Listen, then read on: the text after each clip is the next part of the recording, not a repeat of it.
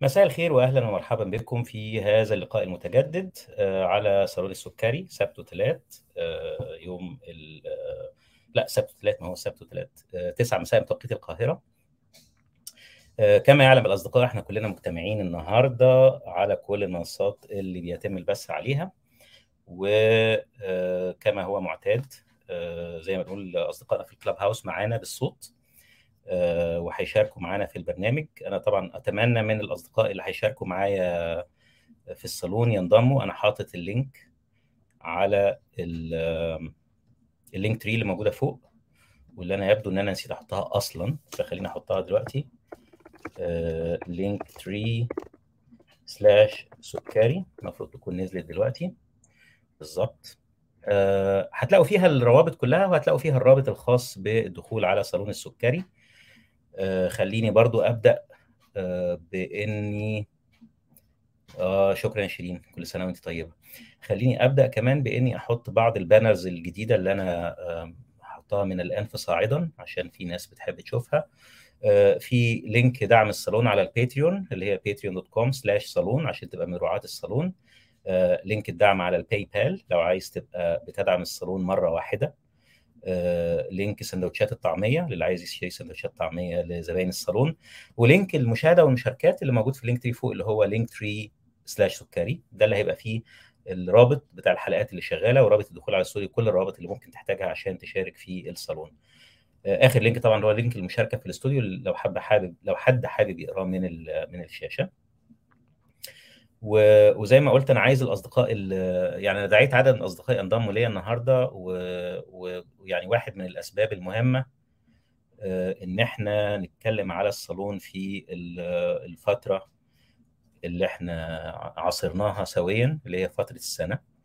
آه، أنا أنا طبعا الأصدقاء اللي شافوا العنوان اللي هو عام على الصالون في كلاب هاوس الشخصيات والمواضيع هو هو الحقيقة معمول قياسا على آه، غرفة أخرى اتعملت علشان يتناقش فيها موقفنا من من الصالون.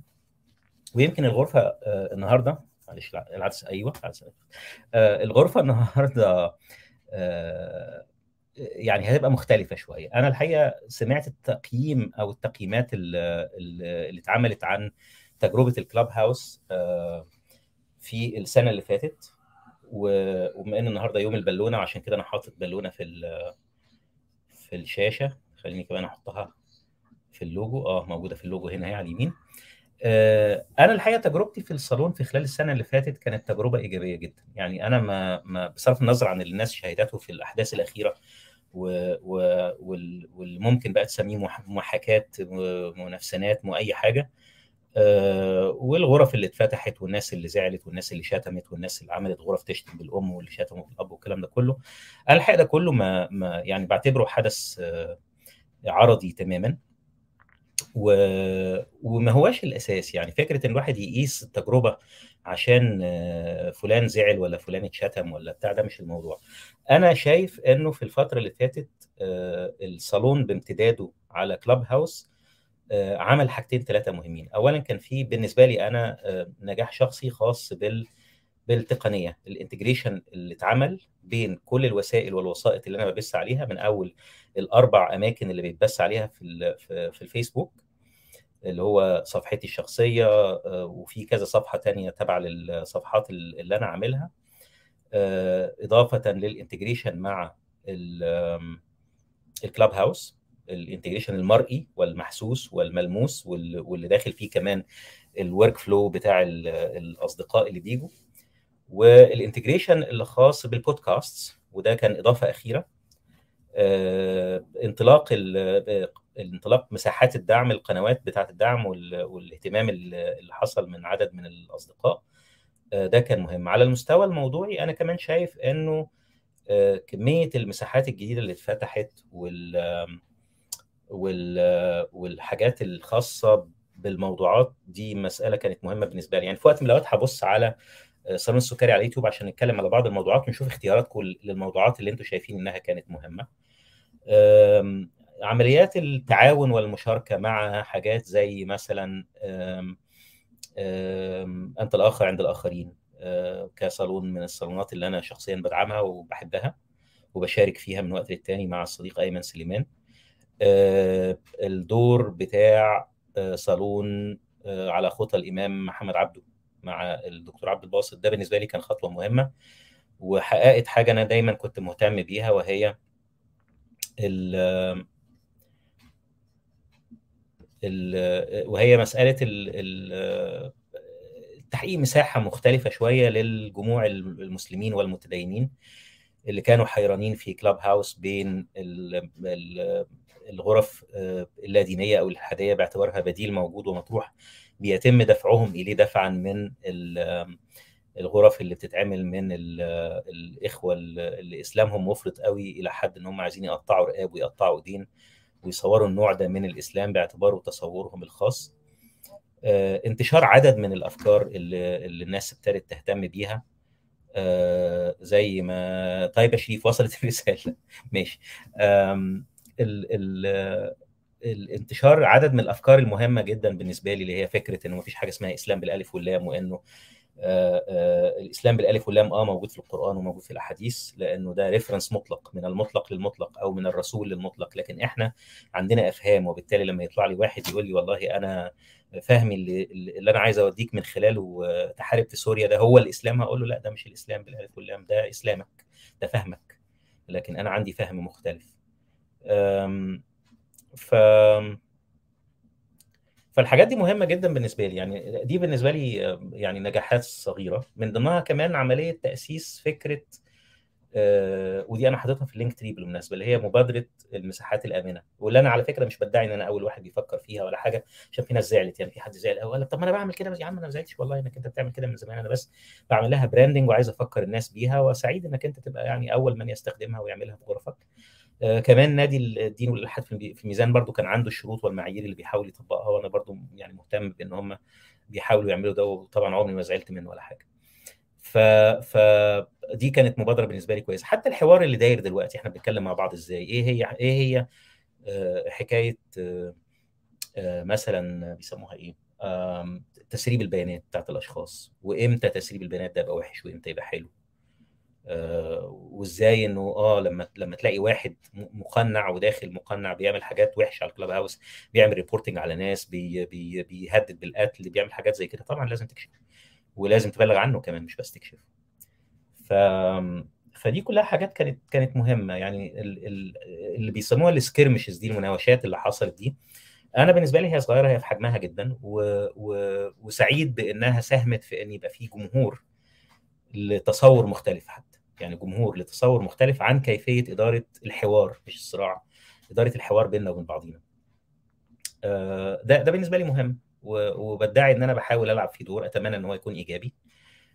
خلافا لبرضه ما يعتقده البعض إن الدنيا ولعت والناس اختلفت وبتاع. بالعكس لا إحنا اللي طلع على السطح دلوقتي هو الخلافات. الناس دلوقتي ابتدت تختلف مع بعض. إيه نوع الخطاب اللي إحنا المفروض نعمله؟ هل نعمل خطاب فوقي استعلائي يتكلم مع الناس من فوق ويقول لهم أنا الشيخ بعرف أكتر منك فتسمع كلامي عشان أنا بعرف ربنا أحسن منك ولا أنا الدكتور برضه خطاب استعلائي بعرف أفهم منك ولا أنا الدكتور اللي زي دكتور نسيم اللي بينضم ليها دلوقتي اللي بيعمل غرف هو ودكتور معتز عشان يشرحوا للناس.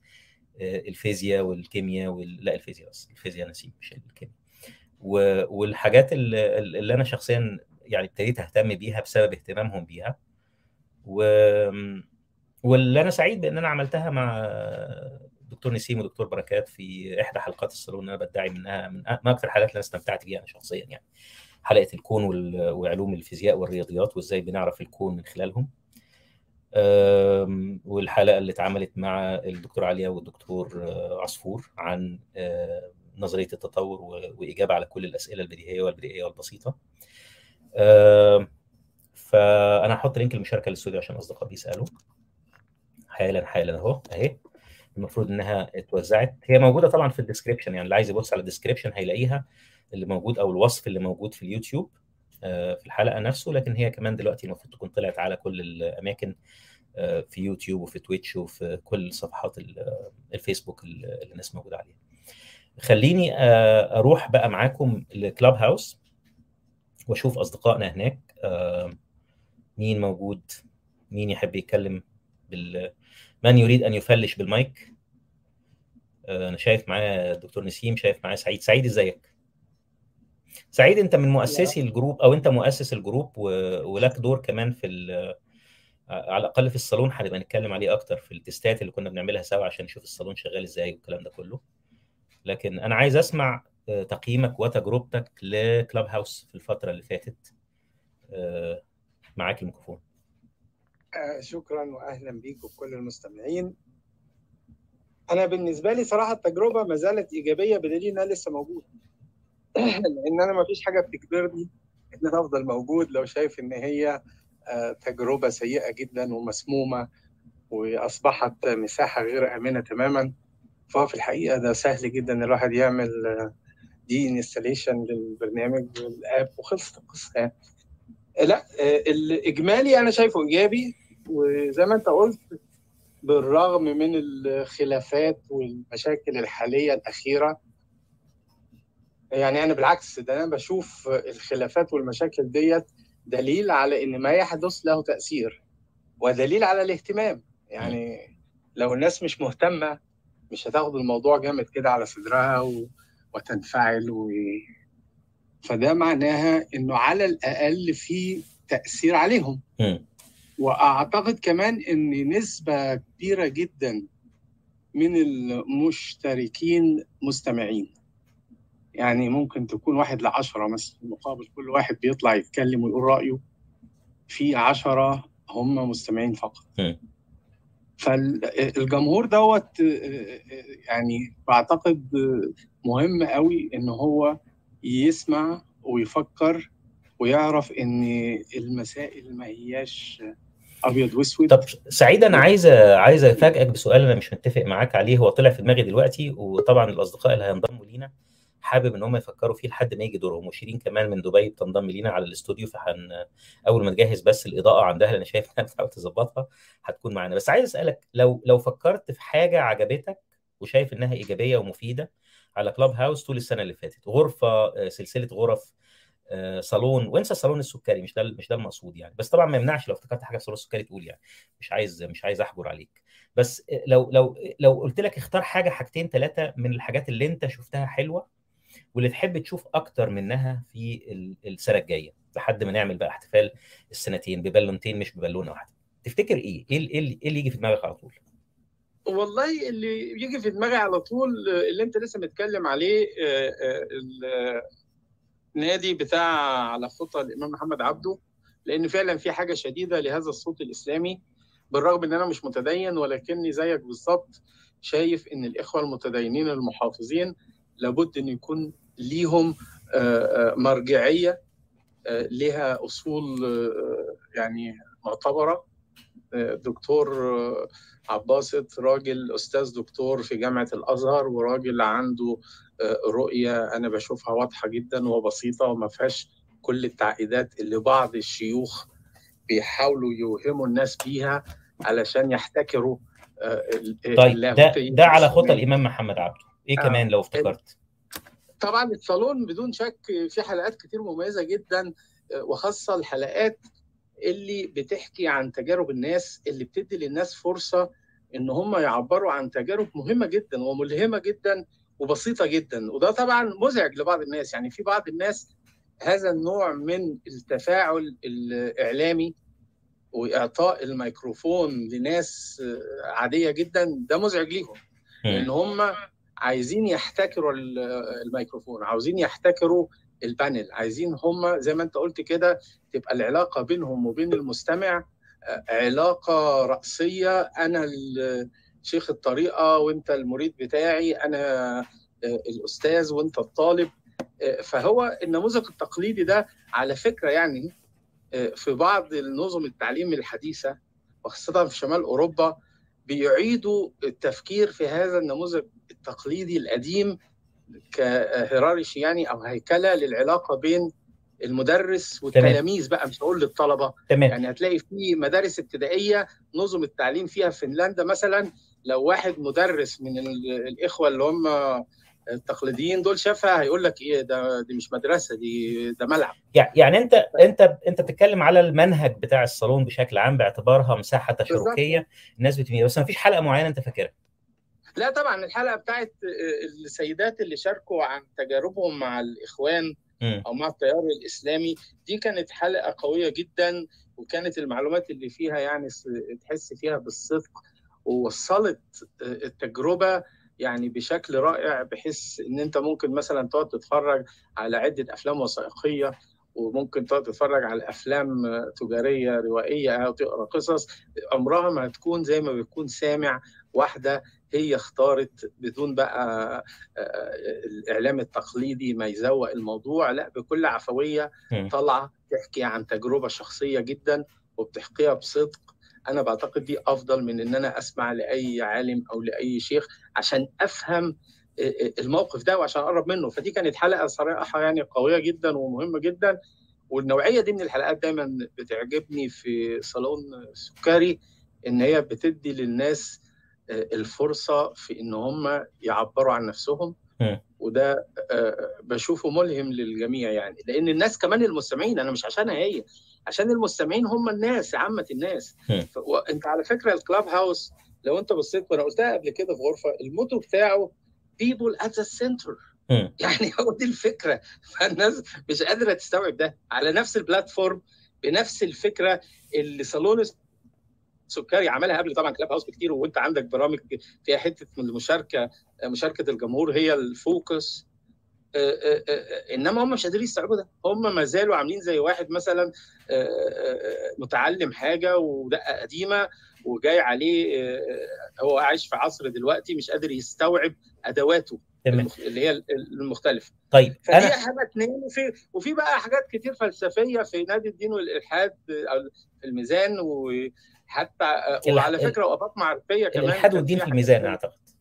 الإلحاد والدين في الميزان وآفاق معرفية كانت في البداية كانت نوع جديد إن أنت بس كانت محاضرات أكتر منها حوار ونقاش وكانت فيها حاجات جيدة جدا والناس كانت مبهورة بيها حتى لو بعضهم مش فاهم. بس هو فكرة إن أنت بتحس إن أنت بتتكلم بشكل علمي أكتر وفيها حتة المحاضرة آه بس برضو كانت إيجابية بس مش عارف ليه خبت فجأة ال ال ال يمكن التكرار ما أعرفش.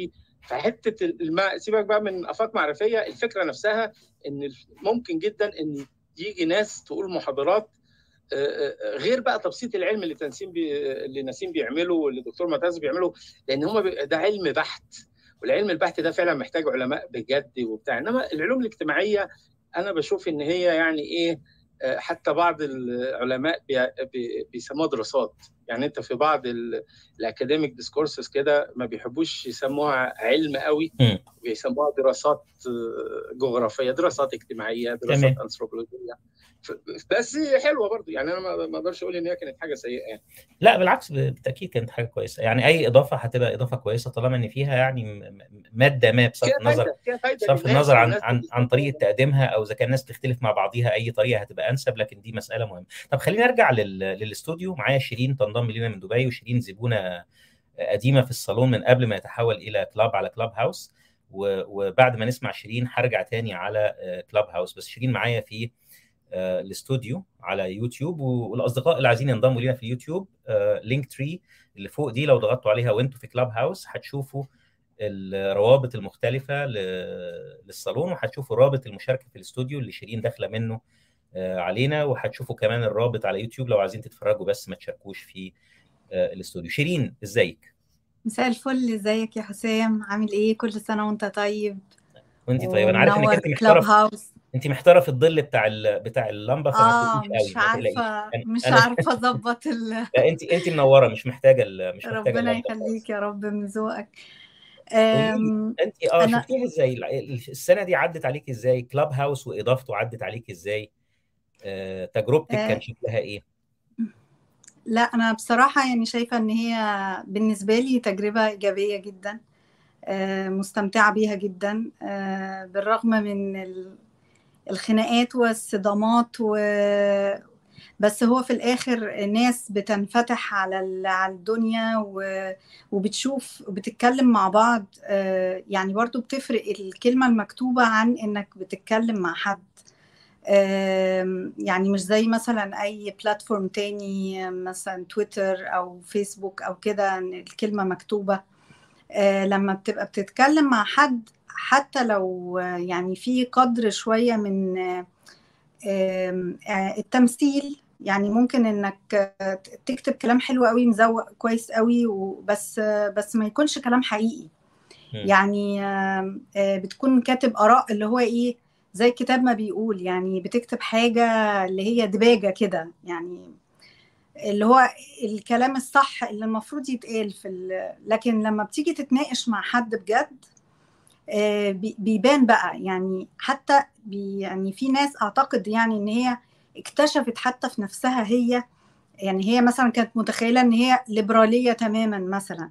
إيه لا ممكن تكون اكتشفت إن هي لا هي على فكرة عندها أفكار كتير محافظة. إن هي مش قادرة إيه يعني تتخطى حاجز إن إن اللي قدامي ده ده ده, ده فعلا ده يعتبر ليبرالي وأنا مش وأنا حاسس بالصدمة. يعني أنا مصدوم منه.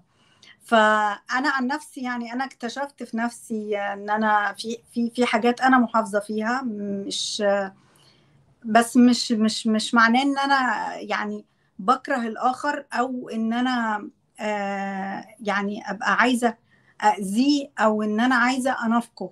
لأن دي حاجة برضو من الحاجات اللي أنا يعني شفتها إن في ناس تقول لا أنا بكره كذا. أنا أنا يعني أنا أنا ما استحملش كذا و و و وما يهمنيش. يعني ما يهمنيش إذا كان هو آه ال ال الطائفة الأقلية دي مثلا بتتأذي أو بيجرى لها كذا أنا أنا ده لا يعنيني. أنا ما بأذيهوش وخلاص. مش مهم بقى هو بيحصل فيه إيه. آه لكن لا أنا لا الح... يعني الحمد لله ما عنديش حتة اللي هو بالعكس يعني أنا كان في مثلا اللي هم المثليين أنا ما كنتش من الحاجات اللي أنا عرفتها من كلاب هاوس أنا ما كنتش متخيلة المعاناة اللي هم فيها. بصراحة ما كنتش أعرف حاجات كتير عنهم ما كنتش أعرف عن تفاصيل حياتهم والمعاناة اللي هم بيشوفوها والمعاملة اللا إنسانية اللي هم بيتعاملوها. فبالتالي بقيت برفض حقيقي خطاب الكراهية ضدهم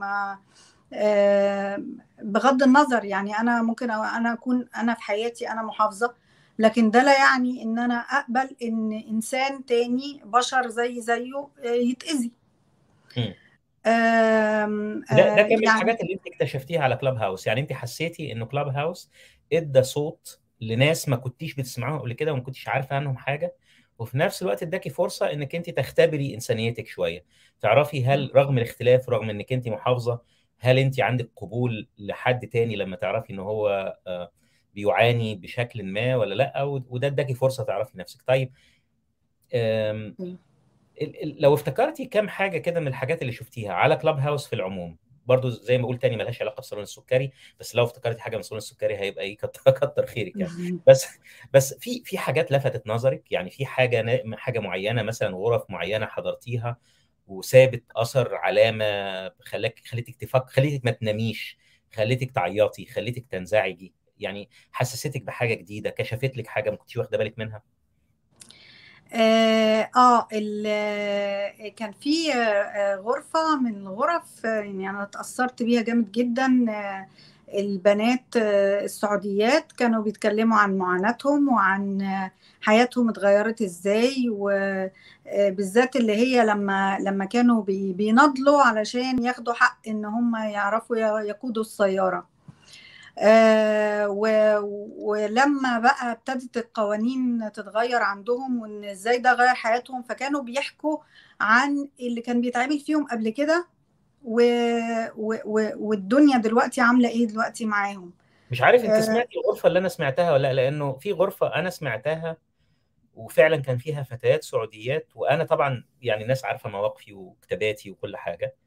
وعارفة طبعا مدى الألم والأسى والفزع اللي الواحد حس بيه بعد حادثة جمال خاشقجي وكده وارتباطها طبعا بالحكم الجديد ومحمد بن سلمان والكلام ده كله. لكن الغرفة دي عملت للسعودية مش هقول دعاية بس أعتقد فتحت عينين الناس وأنا منهم على حاجة أنا ما كنتش متخيلها. واحتمال تكون نفس الغرفة اللي أنت سمعتيها. دي غرفة كان فيها واحدة بتحكي إزاي هي قبل ما تسافر كان لازم تاخد تصريحات كتير وإنها كانت بتعامل في المطار حسب كلامها كده معاملة العاهرات. كانت بتبقى واخدة معاها هل دي الغرفة اللي أنت سمعتيها؟ كانت بتبقى واخدة معاها آه، مش عارفة هي دي ولا لأ بس الغرفة دي كان فيها كذا كده. فده اللي ده اللي ده اللي عمل لي صدمة حقيقي. مم، مم. آه، إن اللي كان بيتعمل فيهم شيء لا إنساني. يعني ممكن مثلا كانوا من ضمن الحاجات اللي, اللي قالوها وأنا يومها أنا يعني جالي زي صدمة كده ويعني تأثرت جامد جدا. يعني ما كنتش متخيلة ان ان إن هم في المعاناة دي. وحقيقي يعني انبهرت بيهم وانبهرت بشجاعتهم وانبهرت بال آه، ال- رحابة الصدر اللي هم بيتكلموا بيها مع الناس اللي, اللي هم يعني عايزين يأذوهم. يعني ناس بي- بيهنوهم وبيحاولوا يسكتوهم. وهم بيضحكوا وبيسخروا وبيهزروا ومكملين في المناقشة وصوتهم هادي وأنا يعني بجد انبهرت بيهم. يعني دي ناس مرت حقيقي بتروما في حياتها. آه، يعني مثلا كانت آه، واحدة بتحكي إن هي ممكن تبقى قاعدة في كافيه آه، مع واحدة صاحبتها. قاعدة في كافيه مع واحدة صاحبتها. يخش اللي هو المطوع أو الشرطي أو أيا كان ياخدها على المخفر على على الاسم على اسم البوليس إن هي عاهرة مم. يعني هيلبسها تهمة وهيعمل لها ملف في الآداب إن هي عاهرة آه، ف آه، فهي يقعدوا بقى يت- يتذللوا لل- للشخص اللي هو ده عشان ما يبلغش أهلهم آه، فيبتدي يساومهم طيب تقدروا تقدموا لي إيه علشان خاطر أطلعكم. يعني تخيل يعني.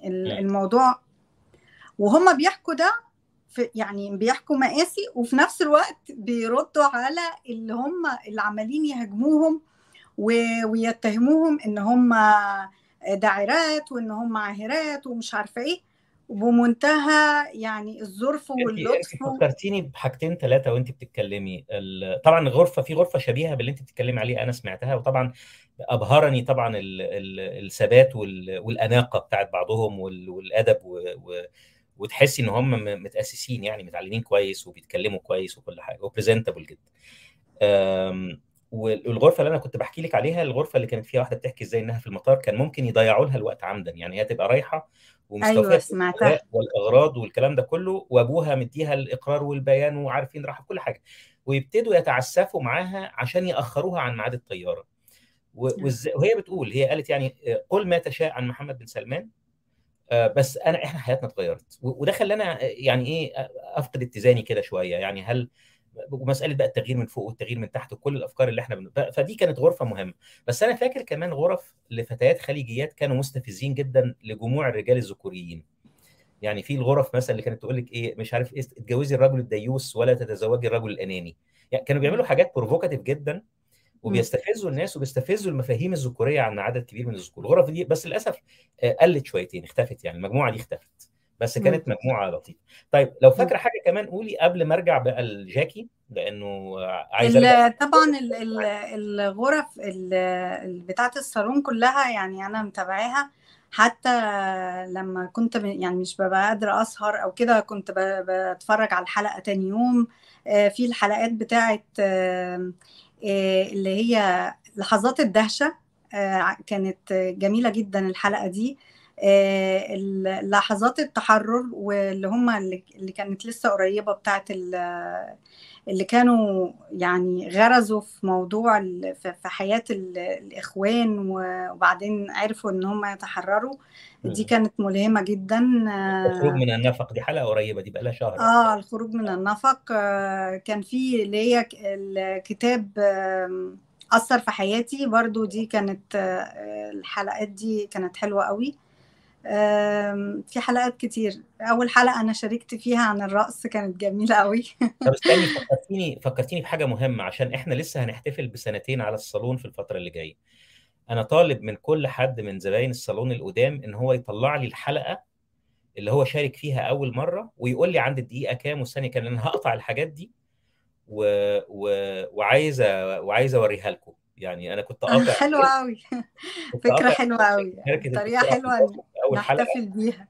آه أنا أنا عايز أحتفل فعلا بيكو بس في الصالون ده هيبقى مش فاكر بقى. أنا لحد دلوقتي عايز أحدد الصالون ده بدأ إمتى لأن هو بدأ organic وأنا مش فاكر بالظبط هو بدأ فهحدد التاريخ وهنعمل احتفال بسنتين على صالون السكري وعايز الصالون يبقى فيه الكليبات بتاعة أول مشاركة ليكوا فلو لقيتي الحلقة دي اللي هي بتاعة الرقص والمشاركة بتاعتك فيها أرجوكي تبعتي لي وتقولي لي الحلقة كذا ال link بتاعها وعند دقيقة كذا والثانية كذا و... وأنا هقطعها وناخدها كلها ضمن الاحتفال. خلاص تمام. اتفقنا؟ تمام. تمام. كل سنة وأنت طيب يا حسين. وأنت طيبة يا شيرين. وجاكي بقى بتنضم لينا كمان. أنا كنت هروح لك على هاي جاكي. على كلاب هاي شيرين إزيك؟ هاي أنا مبسوط إنك أنت هنا لأنه ده هيبقى صوت وصورة. آه أنا أنت بقول لك على فكرة لما فوت دورك بيقولي لي أنت من أهل الدار. ف و moderator هناك وهنا يعني. ف... فلو لو نسيت أنا ابتديت أخرج من هناك. ولا هو هنا حلو. هنا واسع زي ما أنت شايفة الشاشة كبيرة. لينا إحنا الثلاثه وفاضية. لا ومعايا شيرين كفاية. ومعاكي شيرين وأنا هنزل أهو تحت عشان تبقي أنت وشيرين فوق.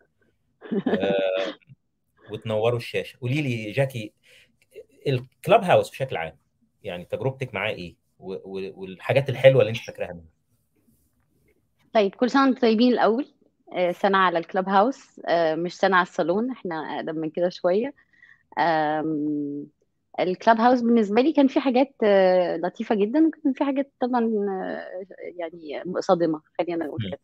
الحاجات اللطيفة إن أنا اتعرفت على ناس لطيفة جدا. ما كنت ما أظنش إن أنا لو عشت يعني حياة تانية كنت هشوفهم ولا هعرفهم. للأسف أغلبهم بنات أنا أسفة للرجالة. بس للأسف مش للأسف لا مش للأسف هو يعني أنا يعني مش للأسف خالص. بالعكس أنا مبسوطة يعني.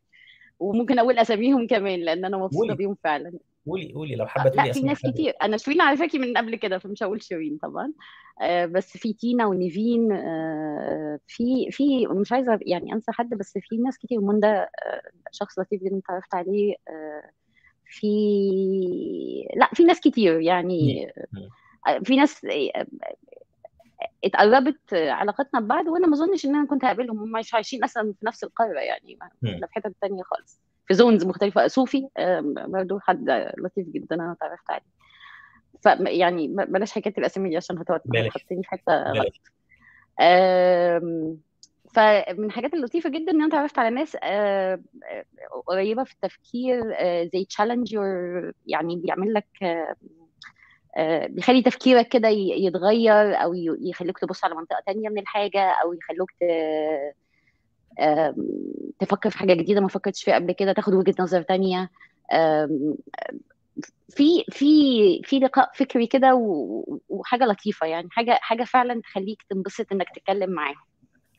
في حاجات صادمة بقى في الرومز بغض النظر عن البني آدمين عشان مش عايزة أتكلم عن البني آدمين الصادمين النهارده. إنه مثلا أنا انبسطت قوي بالروم مثلا اللي ابتدينا نعملها عن اللقبات في, في مصر. دي كانت حاجة لطيفة جدا. دي كانت سلسلة ثلاث مظبوط آه لا بس أنت بتتكلمي في في غرفة ثانية في غرفة قبل ال... قبل الثلاث غرف اللي عملناهم بالظبط ما أنا جاية لك يعني جاية لك في الكلام. من أول ما ابتدت ب... ب... كنت أنا كنت يعني في ال hallway ولقيت تينا في room ودخلت أسمع وكنت داخلة أنام يعني. واضطريت إن اقعد للساعه 6 الصبح عشان كانوا بيتكلموا عن الأقباط في مصر ومشاكل الأقباط والمرأة والكنيسة. ودي room اللي عملت بعد كده يعني inspiration إنك تكمل بقية حلقات الأقباط. دي كانت روم بالنسبة لي حد معين بس فكرني باسمه كان مين؟ كان كان عماد؟ كان مين اللي قال تعليق في الغرفة؟ إيهاب. إيهاب, إيهاب. حاجة. إيهاب إيه؟ فكريني. أنت ذاكرتك غبريال. إيهاب غبريال فعلا آه. هو تعليق ليه في الغرفة دي هو اللي خلاني أفكر في بداية الصالون وده كان بالظبط. و... يعني ف... ف... أنا مش بتكلم بس على الصالون بس الفكرة بتاعت إنه إنه يبقى في مساحة والناس تبتدي تسمع عن لقبات إن في مشاكل إيه وإن الناس تبتدي تتكلم آه عن مشاكلها آه أنا نفسي اتصدمت من الناس أصحابي اللي ما يعرفوش حاجات كتير عن اللقبات في مصر. يعني هم أصحابي قوي فالمفروض يبقوا أنا فاهمة ان هم فاهمين بس لأ هم اتصدموا وأنا اتصدمت من صدمتهم. آه في, في نفس السياق بتاع اللقبات ده آه آه أول مرة أشوف ناس يعني لو عايزين نحطها ما بين قوسين سلفيين اقباط دي خضتني قوي الحقيقة. يعني خلتني أحس إنه واو. لدرجة إنه إن هم بيستخدموا تقريبا نفس الترمز بتاعت ال ال السلفيين. طبعا أنا أنا في كل يوم بقول نفس تعريفات أنا ب- بالعربي أنا بقول بالعربي بس عشان الناس مش آه أقول بالعربي. حد بعت لي مرة بينتقدني قال يا جماعة بطلوا الإنجليزي ده فعشان كده أنا بقيت واعي أنا أنا أنا أنا جدا. أنا أنا ضد بس ساعات ما بتسعفكش يعني. أنا ساعات بتبقى أنا عارفها بال... أنا بترجم لك مش عايز آه اقطعك بس كملي. لا خالص. ف ف ففي آه آه، ال... ال... ال... ال... ال- التعريفات اللي كانوا بيستخدموها والكلمات اللي بيستخدموها صدمتني أنا شخصيا. يعني كنت أنا عارفة إنه في تيار سل... يعني تيار محافظ أو ده ساعة لما الراجل كان بيقول لي بيقول لي كل حاجة أنا مش كل هنساه. حاجة. إيه لما مش كان بيقول حاجة كده فقلت له كل يؤخذ منه ويرد إلا كنا السيد بنتكلم المسيح على ال على ال على البابا كارلوس آه وكنا بنتكلم على اللائحة بتاعت المجلس أنا عندي ذاكرة سيئة يعني يعني مخيفة. الناس بتخاف من ذاكرتي يعني. فبقول أي حاجة أفتكر لك. فهو قال لك إنه آه لأ بابا كارلوس وحش يعني. فأنت قلت له كل يأخذ منه ويود ما أعرفش بتتقال إزاي فأنا ال- قال لك آه فانا. حاسه إن لو حد شاف وشي ساعتها كنت حاسة إنه إيه ده؟ في إيه؟ كده. آه، فأنا أنا كمان يعني ودي الصدمه إن أنا شفت في الإطار بتاعي آه، اللي أنا كنت فاكرة إن أنا عارفاه كويس آه، تيار تاني أنا ما شفتوش. أكثر يعني محافظة من اللي أنا كنت متوقعة. يعني هو فاق الحكاية كلها. فدي برضو كان حاجة صدماني. آه، فيهم أنا أنا كمان اتعلمت حاجات كتير على كلاب هاوس ويمكن أصحابي القريبين قريبين قوي يعرفوا ده وبيتريقوا عليا فيه. أنا بحضر رومات كتير بتتكلم عن الأديان التانية لأن أنا بحب. أتعلم. يعني بحب أعرف إيه ومين ومين بيقول إيه وليه وإزاي وطب إيه فلان قال إيه طب فلان قال إيه وهكذا وإيه الحاجات وبتاع. فأنا بحب أتعلم. فبقيت أقول حاجات قدام أصحابي بقوم إيه ده؟ في إيه. خلاص. انت يعني هتنقلي هتحولي بعد كده. بس لا أنا بتعلم كتير الحقيقة وفي رومات آه، اللي هي آه، ال- اللادينيين آه، برضو لما بيتكلموا أنا أنا بحب أقعد أسمع يعني بحب بحب أشوف ال ال ال الكونفرسيشن دي الحوار ده. اما. تقعد اتنين بس رايقين طبعا يعني من غير من غير الخناقة يعني لما تقعد اتنين قدام بعض ويتكلموا برواق انه آه ده كذا وده معنى كذا ومش عارفة إيه. لأن أنا عندي حاجات أنا كنت بسأل أسئلة الناس ساعات بتتخض مني يعني مثلا أول ما أعرف آه، الإسرائيليات. أنا أنا ما. فهمتش يعني إيه الإسرائيليات ومسمينها ليه إسرائيليات؟ وهي إيه مم. الأس... ومين اللي حط الإسرائيليات دي؟ في مين؟ إيه؟ أنا الحاجات دي بالنسبة لي كانت جديدة جدا ما أعرفهاش. رغم إن أنا متربية في مصر يعني طول عمري وإحنا بناخد عربي والعربي بيبقى فيه جزء كبير دين أنا اتص- اتصدمت من نفسي امبارح لأن إحنا كنا في حوار تاني وبعدين كانوا قالوا لي إنه مش هقدر أخش مكان ما يعني في الحوار إلا إذا كنت قلت لهم إن أنا حافظة الفاتحة. فأنا تنحت كده شوية وبعدين قلت لهم استنوا كده وأنا فعلا اكتشفت إن أنا حافظة الفاتحة من أيام ما كنت في المدرسة في عربي. ف... ف... فإحنا بناخد دين بس أنا عمري ما سمعت عن الإسرائيليات دي. يعني. ما أعرفش إيه دي. ف... فالحاجات دي بتعمل لي فضول وبتخليني احب أقعد أسمع الحاجات أحب أتعلم يعني. فلا الكلاب هاوس كان فيه سنة كويسة بالنسبة لي افتكري كانت لي غرفة كمان قبل ما ارجع للكلاب هاوس آه غرفة كمان آه, غرفة آه عجبتك. البنات طبعا آه، في في آه، البنات اللي ابتدوا يتكلموا عن ال- ال- الحاجات اللي بتحصل لهم في حياتهم في مصر أو في الدول العربية مش لازم في مصر بس آه آه والاكثر كمان البنات اللي عرفوا ينجوا بنفسهم لأن أنا بشوف إن دي آه يعني ضوء كده وأمل لبنات تانية يمكن مش عارفين يخرجوا أو مش حاسين إن. هم ممكن يخرجوا ابدا من الضغط ده. فأنا حاسة إنه لأ إنه في أمل أهو وفي بنات عرفوا يخرجوا والبنات اللي بيخرجوا دول يعني مثلا الروم اللي عملناها بتاعت ال- ال- البنات اللي كانوا آه، كنت مسميها تقريبا النفق الإسلاميين الخ- الخروج كانت من نفق الإسلامويين المظلم حاجة آه زي كده. طبعا طبعا دي كانت روم بالنسبة لي مبهرة. أنا ما أعرفش أنا ما أعرفش الجو ده خالص وعمري ما كنت هحتكاك بيه يعني. بحكم أنا متربية إزاي آه بس بس لا آه كانت بالنسبة لي كشف يعني البنات اللي خرجوا من العنف المنزلي كمان. دول. مهمين جدا ال- اللي. خرجوا أول ما خرجوش اللي ما خرجوش كل التعاطف وأنا حبيت إن البنات دي تلاقي مساحة تتكلم عن اللي بيحصل لهم عشان الناس اللي بتنكر وبتقول لأ ما بيحصلش ولا مش عارفة إيه والستات واخدة حقها في مصر فيسمعوا بقى الستات بيحصل لهم إيه في مصر. والبنات اللي خرجوا كمان لأنه دول ضوء أمل للناس اللي لسه مطحونين وحاسين إن هم لغاية إمتى هنفضل كده وكده. كمان اللطاف جدا ولازم أقول عليهم ال ال في اتجاه في كلاب هاوس خرج من مجموعة بنات. البنات دول أثبتوا لكل الولاد ال- أو الرجالة اللي بيخشوا يشتموهم علشان يهتوهم يعني ما تتكلموش. فبيشتموهم بالأب والأم شتايم شتايم عنيفة. بالنسبة لي أنا كنت بنزعج جدا في الأول. الرجالة الذكورين بس بيخشوا يشتموا البنات. أيوه. فالبنات تمام. ياخدوا الحاجات دي ويألفوا عليها أغنية ياخدوا أصواتهم وهم بيشتموهم ويعملوا أغنية تراك أغاني. ده كسر كل الحاجات. أنت عايز تمارس عنف تجاهي بالشتيمة؟ طب أنا هغنيها لك بصوتك.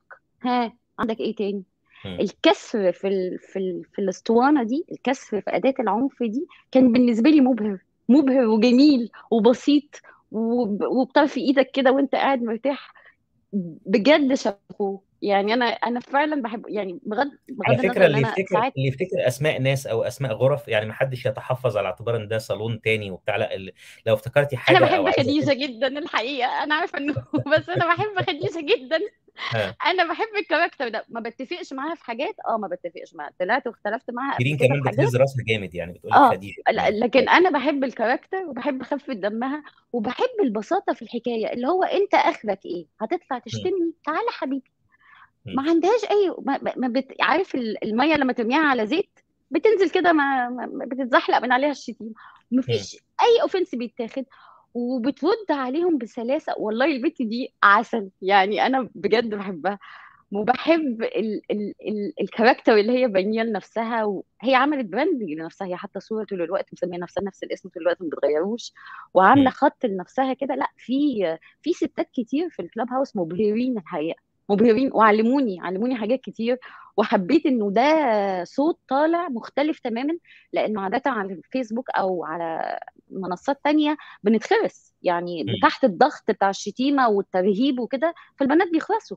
لا مم. لا طز فيكوا إحنا مش هنخرس. يعني. بجد طز فيكوا يعني وهم بيشتموهم بجد شتايم مرعبة.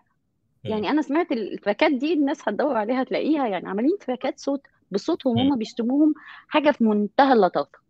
فيعني شابوه يا بنات استمروا. والكلاب هاوس آه، زي ما في حاجات سيئة جدا في حاجات حلوة جدا. وأنا شايفة إنه دي حاجة كمان معلش احزن أنا طولت. بس في حاجة مهمة كمان. يا جماعة إحنا بنختار. الناس اللي تطلع تقول إحنا زهقنا من كذا ما تقعدوش في كذا. روح شوف. حاجة غير افتح أنت أوضة وأعمل حاجة غيرها. بلاش حكاية. ما كفاية بقى إحنا زهقنا مش عارفة إيه. هو كل يوم مش عارفة إيه. خلاص أوكي يا حبيبي أنت زهقت. روح حتة تانية. ما فيش حتة تانية؟ افتح أنت حتة تانية. والناس هتجيلك. ف- فتقول إنه لا أصل إحنا زهقنا أصل إحنا ما أعرفش إيه أصل إيه. هو ال- الكلاب هاوس بس في مشكلة بالنسبة لي إنه time consuming ابن الذين الحقيقة يعني الوقت بيتسرق. أنا في أيام بت... بالنسبة لي بتتسرق. بكون بشتغل في حاجة. أنا بشتغل في الجنينه كتير فباخده معايا راديو. ودي حاجة مسلية جدا. بس في أيام بتتسرق. ما بلاقيهاش. اليوم راح. فالكلاب هاوس فعلا يعني بيسرق ساعات. بس لأ مفيد ولطيف وأنا نفسي يكمل والناس تبتدي تختار عايزة تسمع مين وتسمعه ليه. ده مهم قوي الاختيار يا جماعة في إيديكم ال life quality في إيديكم. تقعد وما تقعدش في إيديكم. تتصدق وما تصدقش في إيدك. كل الحاجات موجودة. كل الاختيارات موجودة. أنت اختار. طيب أنا أنا اولا سعيد سمير بينضم لينا في الاستوديو. ما أعرفش حضرتك سعيد سمير اللي كان لسه معانا في كلاب هاوس ولا ده سعيد سمير التاني؟ ده طيب ال admin أنا الركن. أنا ال admin الركن سعيد. أنا طيب. بس ما سمعت آه، جاكي وهي صوتك واطي يا سعيد. سعيد. صوتك واطي يا سعيد. آه، مش سامعني كويس؟ صوتك واطي. ما أعرفش الصوت طالع منين. يعني حتى لما بتقرب آه. الصوت ما بيعلاش. تقريبا محتاج تظبط الميكروفون ال input جاي من حتة؟ كمان طيب بص على ما آه تجهزوا طيب أنا هقول بس للناس حاجة إنه أنا عايز الناس تكتب لي على اليوتيوب بالذات وعلى بقية الوسائط التانية يعني الحاجات اللي هم بيحبوها في ال Clubhouse آه، سواء الحلقات أو الأشخاص عشان أطلعها على الشاشة. آه، دعاء فتح الله كاتبة بتقول الحلقة ال iconic بتاعت ست ساعات. دعاء في حلقتين iconic والاثنين ست ساعات. واحدة فيهم بتاعت السلفيين واحدة فيهم بتاعت شريف في ثلاثة يا خبر ثلاثة إيه هم إيه الثالثه واحدة بتاعت شريف عبادي والثانيه بتاعت السلفيين. الحلقة الثالثه الست ساعات. إيه يا جاكي؟ آه لا كان في حلقتين بعد كده مع أيمن. كانوا عن الحكاية يعني كانوا بعد آه. okay. آه آه. ما طيب. الحلقتين دول كانوا ستة في ستة يعني أنتوا لضمتوا ستة أنتوا قعدتوا 12 ساعة تتكلموا معرفش جبتوا إزاي صح الحقيقة ده على Clubhouse آه يعني. مظبوط مظبوط. ده على Clubhouse آه آه. هو عموما بقول لك بتطلع ذاكرة مخيفة يعني. لا اسأل. ما أنا معتمد عليكي أنت ذاكرة الصالون يا جاكي. والله أنت بتفكريني بحاجات كتير. آه طيب أنا عموما كمان الدكتورة أميرة كتبت لي إن الصالون بدأ يوم 20 مايو ف ال- التاريخ الأقرب ل 20 مايو من تواريخ الصالون هنعمل فيه عيد ميلاد الصالون الثاني وهناخد مقاطع الفيديو اللي أنتوا هتقولوا لي هي إيه عشان نقطعها ونحطها وجاكي هتساعدني في القصة دي. أنا هرجع دلوقتي لل لل آه عايز زي ما قلت كده الناس تكتب لي هنا. الحلقات اللي هي شايفة إنها آه، كانت بالنسبة لهم حلقات مميزة مش لازم تبقى حلقات الصالون بتاع السكري و- وبرضو الشخصيات اللي أنتوا شايفين إنها شخصيات مبهرة وملهمة زي ما سمعنا كده من جاك وهي بتتكلم عن خديجة يعني لا تترددوا ما فيش حاجة اسمها إيه دعاية وحد بيتكلم على غرفة تانية بالعكس يعني أنا يسعدني إن إحنا نسهم في في التعريف بالشخصيات الجميلة والغرف الملهمة. بس سعيد أنت واخد البالونة بتاعتي لو بصيت على الشاشة هتلاقي البالونة بتاعتي طالعة عندك في المربع بتاعك. وده وده انتحال فعلا لبالونه آه هي جاية عندي. البالونه البالونة طارت راحت عندك آه طيب خليني خليني أرجع على ال- الكلاب هاوس. وطبعا شريف وخالد وسعيد سمير التاني اللي هناك آه، آه، لما تحبوا قولوا أنا مش عايز مش عارف أنتوا م- وقتكم هيبقى متاح إمتى. آه، دكتور نسيم موجود. أعتقد هو يمكن كان أول واحد يدخل الاستوديو. دكتور نسيم هسألك الأسئلة المعتادة. طبعا أنا شاكر ليك لأنه الحلقة اللي أنت رتبتها لي مع الدكتوره عليا والدكتور آه، آه، عصفور كانت حلقة جميلة وطبعا الحلقة بتاعتك وأنا لسه مش ناسي على فكرة أنت بعت لي اللينك بتاعت ال YouTube channel بتاعتك أنا لسه ما نزلتهاش عندي على الفيسبوك ومش مش ناسي آه، بس هنزلها قريب. آه، عايز أنقل لك الميكروفون بقى وأسمع منك؟ عن تجربتك في ال Clubhouse خلال السنة اللي فاتت ولو عندك أي تقييم للصالون أو لأي حاجة ممكن تفيدني آه، يسعدني اسمعها منك. آه، مساء الخير طبعا حسام والسادة الضيوف الأفاضل آه، وكل الناس اللي معاك في الاستوديو. والله الكلاب هاوس كانت تجربة فريدة خصوصا هي كانت بعد فترة طويلة من من العزلة عن المجتمع. كان آه، ست سنين في حياتي أو سبع سنين كانوا كانوا في البحث العلمي فقط لا غير يعني تواجد آه، بين. بين الدراسة وبين التخرج بين. بين الشغل والأبحاث مفيش شيء تاني فكانت تجربة الكلاب هاوس تقريبا نسيت مجتمعاتنا وإن كان الكلاب هاوس ما بيمثلش المجتمع بالكامل بس شكل مجتمعاتنا عامل إزاي ال... خلينا نقول كده توزيع ال- الناس على الأفكار آم، قابلية الناس للدفاع عن أفكارها شكل. شكل المجتمع نفسه آه، عندنا عامل إزاي ده خد آه، يعني في الكلاب هاوس فكرني شوية بده كتير. يمكن مع بداية الكلاب هاوس لاحظته دايما الشيء اللي لفت انتباهي هي فكرة التنميط. إن أنت دايما لازم تنتمي ل- لمجموعة معينة لازم تكون محطوط في category معين. يمكن عشان ال Clubhouse زي ما انت كانت خناقات آه، دينية ولا دينية عموما فكان دايما التنميط لازم يبقى ديني ولا ديني. بغض النظر عن عن أنت بتعتقد إيه أو أنت بتشوف إيه لكن يجب أن يتم تصنيفك بشكل ما. وده بيفكرني في room أحد ال- أحد الرومات الناس كانت كانت بتحاول تقول أستاذ سعيد فيها أو تصنفه بشكل ما أنا فاكر اليوم ده كان يوم ظريف جدا. هو بيقول أنا كده والناس بتحاول تلاقي له توصيف آخر يناسبها هي. فده كان من أغرب الأشياء اللي شفتها على الكلاب هاوس. مم. أنت يجب تصنيفك يجب تنميطك يجب تاخد نمط معين. ولقيت إن الحل له ان أنا ما اشغلش بالي. يعني اللي عايز يشوفك والله شخص فيك من التدين هو حر. اللي عايز يشوفك شخص لا تنتمي لأي دين برضه هو حر. اللي عايز يشوفك بتدافع عن شيء معين برضه هو حر. آه، بعد فترة فهمت إن أنت محتاج تحدد أنت إيه رسالتك اللي عايز تقولها على الكلاب هاوس. إيه اللي أنت عايز تمثله. وبعد قناعة طويلة وكان آه، آه، بعض النقاشات اللي شفتها كتير قوي اقتنعت والله الحاجة اللي بعملها كويس هي مع دكتور معتز ودكتورة عليا والناس الجميلة اللي موجودة على الكلاب هاوس هي إن أنت تقدم معلومة بشكل مبسط. معلومة الناس محتاجة تتعب عشان تاخدها أنت تحاول تسهل لهم الأمور دي شوية. من التعب عشان توصل للمعلومة العلمية شيء مش سهل. ممكن في الآخر تصطدم ببعض بعض المعلومات من تبسيط العلوم اللي آه، خلينا نقول كده تاخدك في إطار تديك معلومة خاطئة. يا ريت بس هتديك معلومة ناقصة ممكن تديك كمان معلومة خاطئة. فقررت إن دي تبقى رسالتي. آه، والله لو في غرفة بتناقش أي شيء واتقال فيها معلومة غلط هطلع أصلحها و آه، وهتجنب إن أنا أقول معلومة وهتجنب إن أنا أقول مثلا رأيي في الغرفة دي نفسها. فما بقتش ما بقتش مهتم إن أنا ابدي تعبيراتي أو ارائي خلينا نقول ال- الدينية أو آه، أو اللي هي فيها صراع أكتر ما أنا شايف إن ال- ال- إن أنت تقدم العلم بشكل واضح آه، أو بشكل مبسط للناس. ده يمكن المعلومة دي تفيد الناس في المستقبل تشجع حد إنه يخش في إطار ال- البحث العلمي. آه، ظهور ده أعتقد مع يمكن أنا ما تعرفتش على آه، صالون السكري غير متاخر شوية. ولكن أعتقد كانت من أحد التجارب الجميلة جدا الرومات الرومات اللي بتتعمل على المستوى الاجتماعي كانت جميلة جدا. إحنا بس عملنا رومين علميين لكن على المستوى الاجتماعي هي تجربة فريدة من نوعها. ظهور الدكتور عبد الباسط وإنه قرر برضه إنه يحط من وقته ومجهوده في في عرض أفكار نفس الفكرة. أنا بحاول الدكتور عبد الباسط بيقدم إن كان في مجال مختلف العلم الشرعي في شكل مختلف في في في كده في عباءة جديدة. العباءة الجديدة دي زي ما قال الأستاذ سعيد بتسمح إن أنت تتناقش بتسمح إن أنت يكون عندك هناك رأي ورأي آخر. ولا زال في أصولية في الطرح. الطرح ده لم ينفي الاصوليه الموجودة في طبيعة التدين عموما أو في طبيعة الأفكار الدينية عموما. الافكار الدينيه ما ينفعش تنفصل عن التدين. عشان كده بشوف كنت بفرح جدا لما الدكتور عبد الباسط يوضح إيه اللي موجود في المدونة وإن المدونة تحتمل الرأي ده والرأي ده. إحنا بس محتاجين نبص بنظرات مختلفة محتاجين نحدد إزاي نختار ما ننتقيش إزاي نحط كل حاجة على الطاولة ونناقشها. الرأي والرأي الآخر إزاي إن المؤسسة الرسمية بتختار وجهة نظر موجودة في في المدونة. والناس اللي بتقول متنورين برضه بتختار وجهة نظر موجودة في المدونة فالمدونة الدينية تسمح بوجود الاثنين اتعلمت ده جديد من الكلاب هاوس.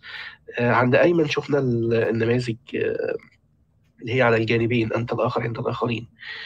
إن فعلا كلنا مجموعة من الأقليات اللي, اللي بنتقابل مع بعض. حتى لو أنت بتمثل الأغلبية.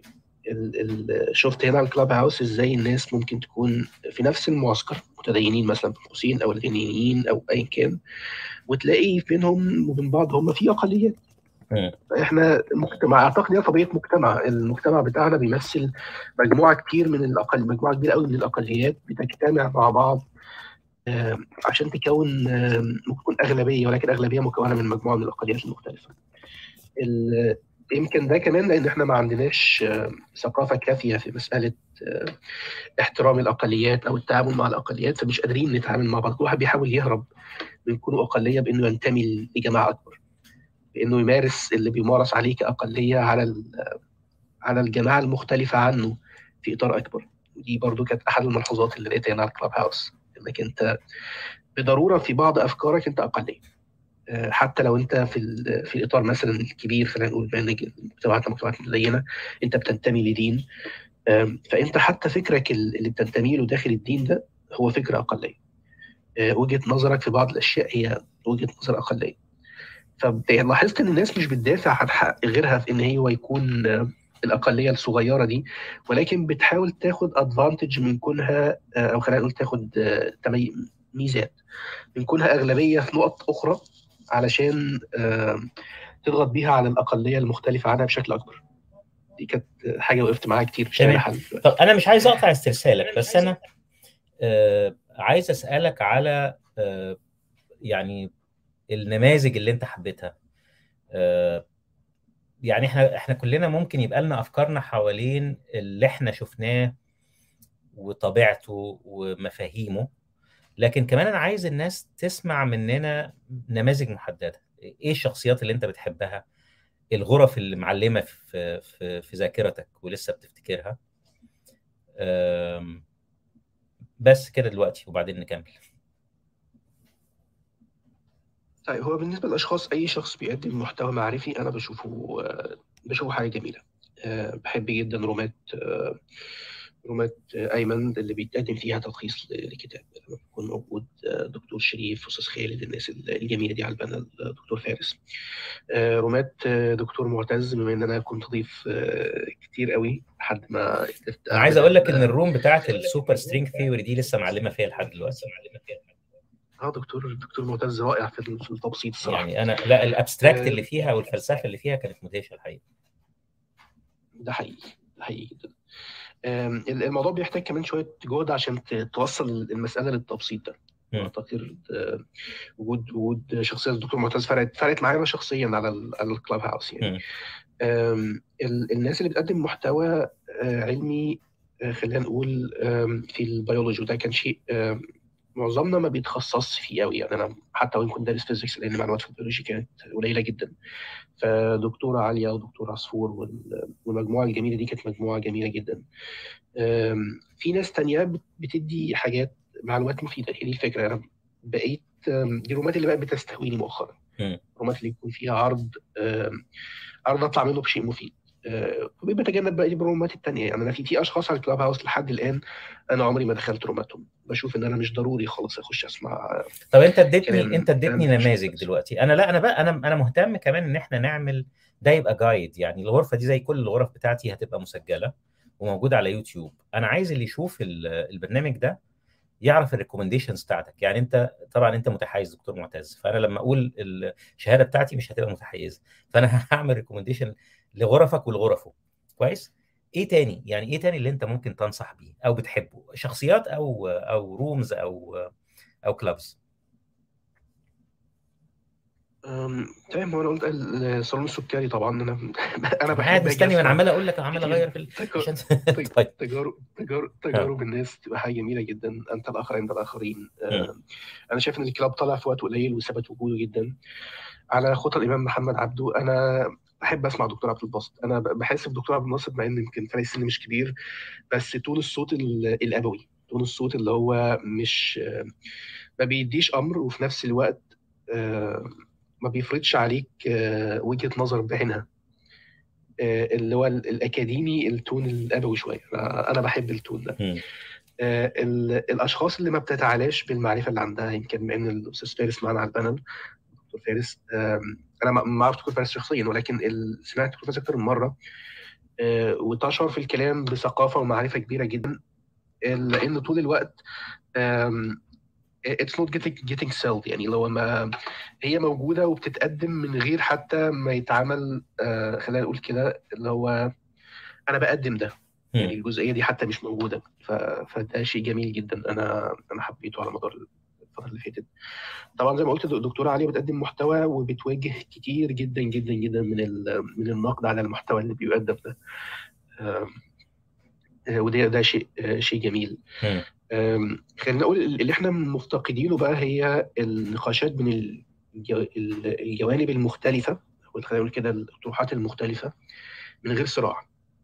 وده ما أعرفش يحصل إزاي. يعني لو انت فاكر المناظرة بتاعتك قلبت بخناقات لشهور أو لأسابيع طويلة آه، من كل الجوانب.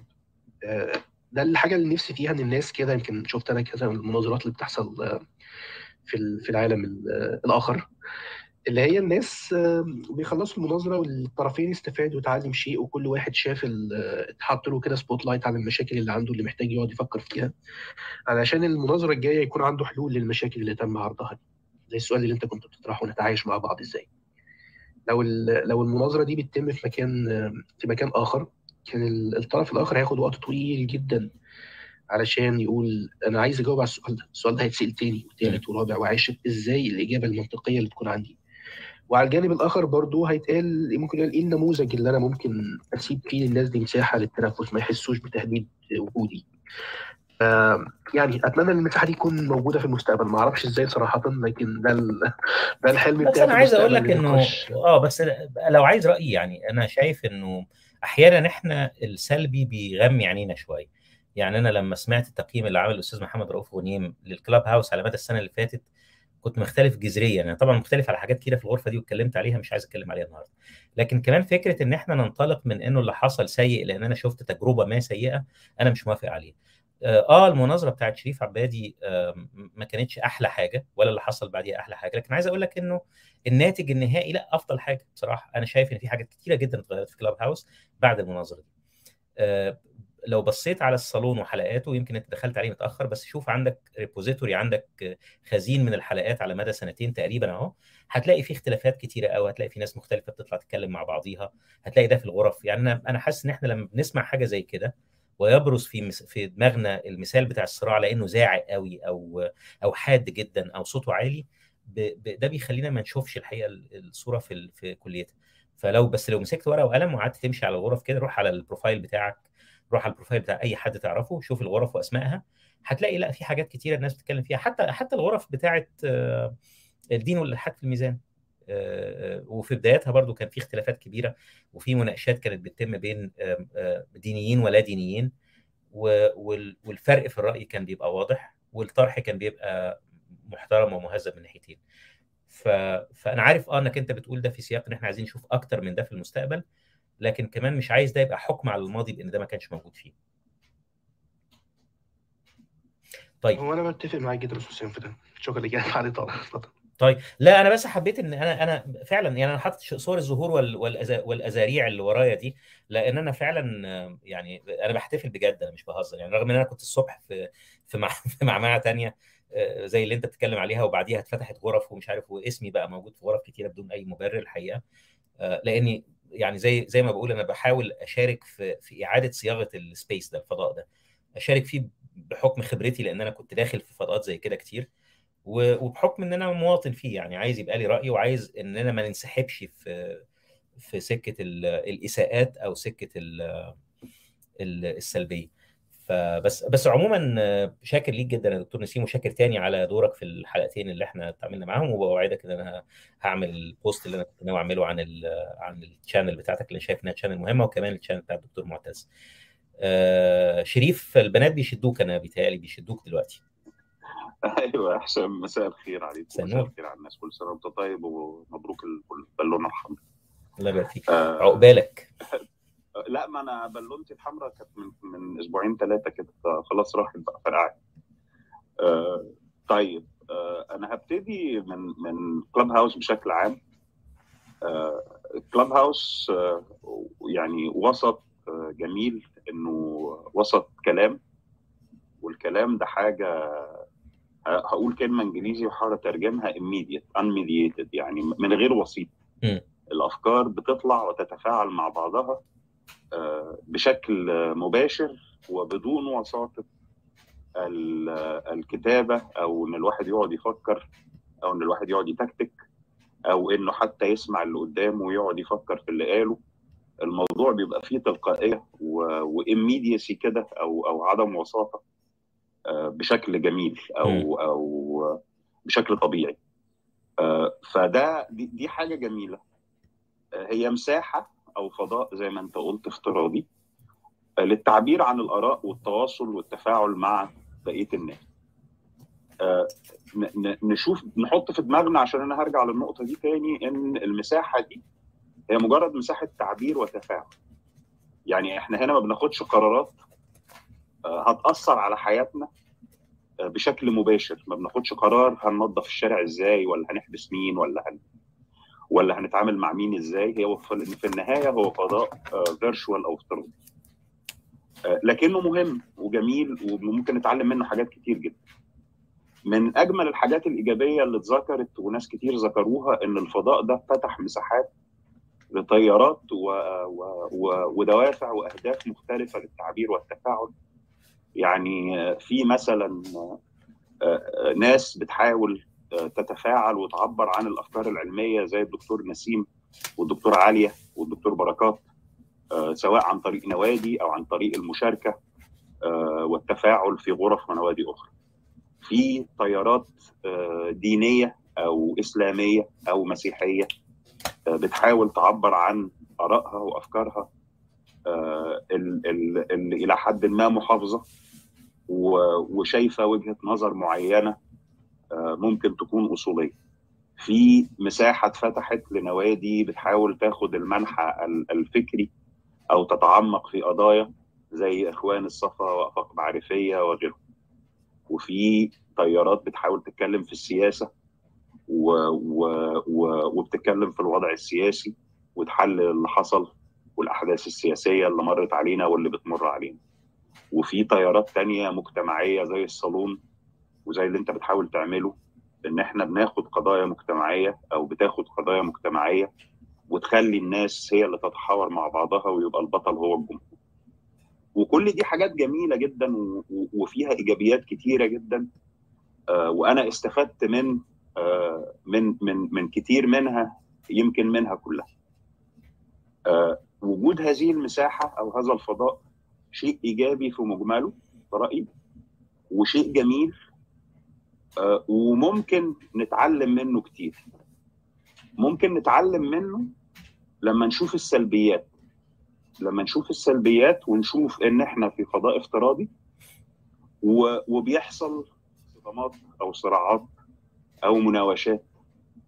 آه، لأن إحنا آه، عندنا صعوبة في التعايش والقبول.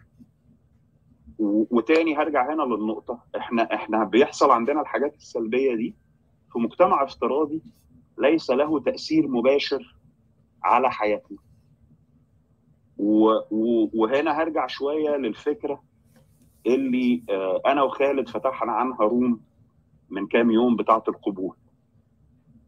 آه، هل لما نيجي نبص للتجربة أو حتى نبص يعني إحنا شايفين إيجابياتها وفي رأيي إيجابياتها أو أكتر حاجة مخليها إيجابية هي تنوعها. التفاعل مش هيحصل من غير تنوع. يعني وجود هذا التنوع الفكري وجود الملحد والسلفي والأصولي والتفاعل بينهم ده شيء إيجابي. إيه بقى اللي بيمنع الإيجابية دي؟ إنها مش هقول توصل هي موجودة وهتفضل فيها حاجات إيجابية. بس إيه اللي بيحوشها شوية أو بيقللها؟ اللي بيقللها ان إحنا مش جايز جزء من ثقافتنا واخد فكرة القبول التام والرفض التام وان مفيش اطياف وان الوسيلة الوحيدة للتعامل مع هذا الخلاف أو مع الخلافات هي السلطة الباطشة. يعني دايما بنلجأ ان اي حاجة نحلها بالقانون أو نحلها بالسلطة السياسية. والقانون والسلطة السياسية دول سلطات غاشمة وباطشه جدا ومش هو يعني ما, ما هو ما ينفعش. لما زي ما حد مش فاكر حد قريب قال لما غسيل الناس اللي فوقنا ينقط على غسيلنا هنحل المشكلة دي بالقانون. يعني ما, ما هو ما هو ما, ما ينفعش. بل بالعكس إحنا بنأبد السلطة الغاشمة للقانون. لما بنلجأ له بنكون شايفين إن هو لازم يحل كل حاجة. وده في رأيي بيوضح لنا أزمة. وتوضيح هذه الأزمة في حد ذاته شيء إيجابي جدا جدا يعني إن طيب. إن إحنا عندنا أزمة في التعامل والتنظيم والتعايش والقبول مع بعض والأزمة دي مش أنا مش بقول أزمة هنا بمعنى سلبي إحنا إحنا الأزمة زي ما هي بتشكل تحدي فهي بتشكل فرصة. بتشكل اوبورتيونيتي إن إحنا نفهم وإن إحنا نشوف إن في وسائل أخرى للتعامل ال ال ال ال فكرة إن إحنا مش لازم نتبنى كل حاجة. تماما. يعني الموضوع فيه أطياف واسعة جدا. طيب شريف إنت صوتك كمان. صوتك بيروح أحيانا فخليني أنتهز الفرصة دي. هحاول. لا استنى بس. طيب. أنا عاي... عايزك تبقى موجود و... و... بس أنا عايز أنقل من ال... ال... العرض ال... النظري للعملي بقى. يعني أنا مهتم إن إحنا جاي لك هقول لك. طب خليني أقول لك عشان تنشن في الحتة اللي أنا عايزها آه، أنا عايز الحلقة دي تبقى جايد يعني تبقى تبقى دليل ال- ال- المتصفح الذكي للكلاب هاوس وآخد منك إشارات للأماكن والأشخاص والأحداث والحاجات اللي زي كده. اتفضل. آه، يعني ال ال ال تعالى نرجع هرجع للص... هبتدي من الصالون وهبتدي من الحاجات وحاجات اتذكرت آه، بس هبتدي هديك مثال آه، ومن الحاجات اللي أنا كنت عايز أتكلم عنها وجاكي اتكلمت عنها هي الحلقات اللي أنت عملتها للأقباط.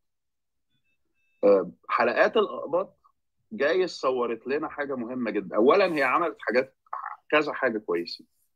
عرفت ال- الأغلبية المسلمة إن في مجتمع قبطي عنده مشاكله وعنده تحدياته اللي لا تختلف كثيرا عن اللي عنده.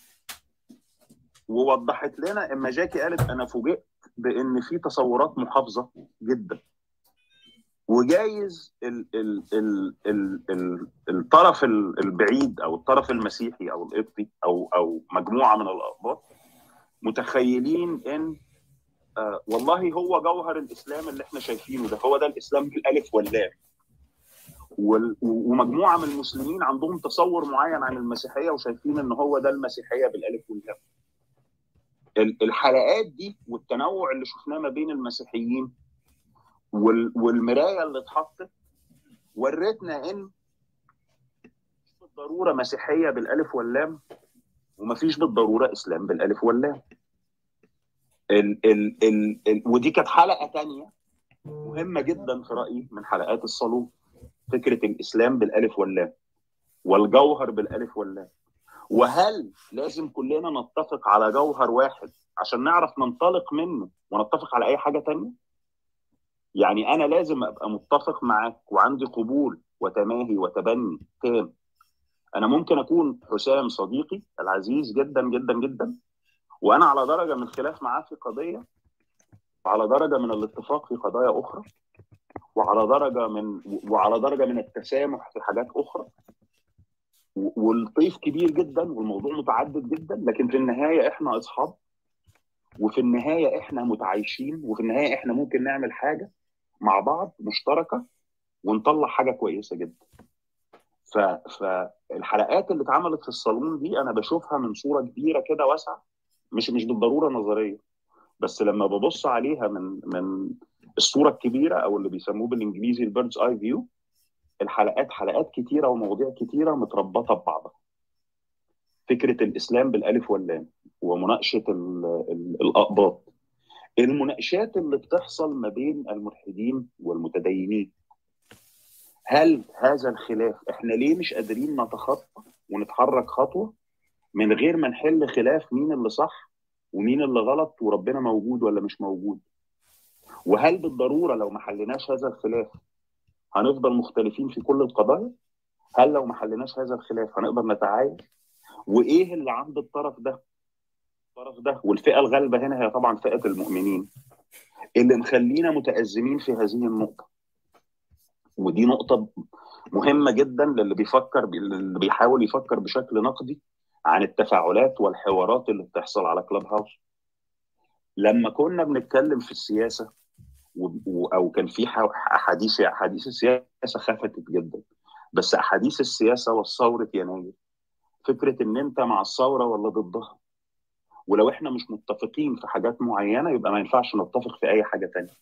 ويبقى لازم الخناقة في الحتة اللي إحنا مش متفقين فيها تبقى هي المركز اللي لو ما اتحلش مش لو ما اتحلش. ده إحنا لو ما اتفقناش اتفاق تام يبقى خلاص هتحصل أزمة وهنتأزم. الكلاب هاوس والفضاء واسع وتنوعه آه مهم جدا جدا.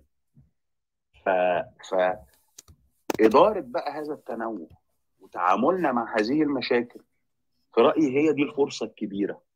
هي دي الفرصة الكبيرة اللي الفضاء ده بيديهولنا ولحسن الحظ إن الفضاء ده ملوش تأثير حقيقي مباشر. مش هقول ملوش تأثير حقيقي هو له تأثير طبعا مهم.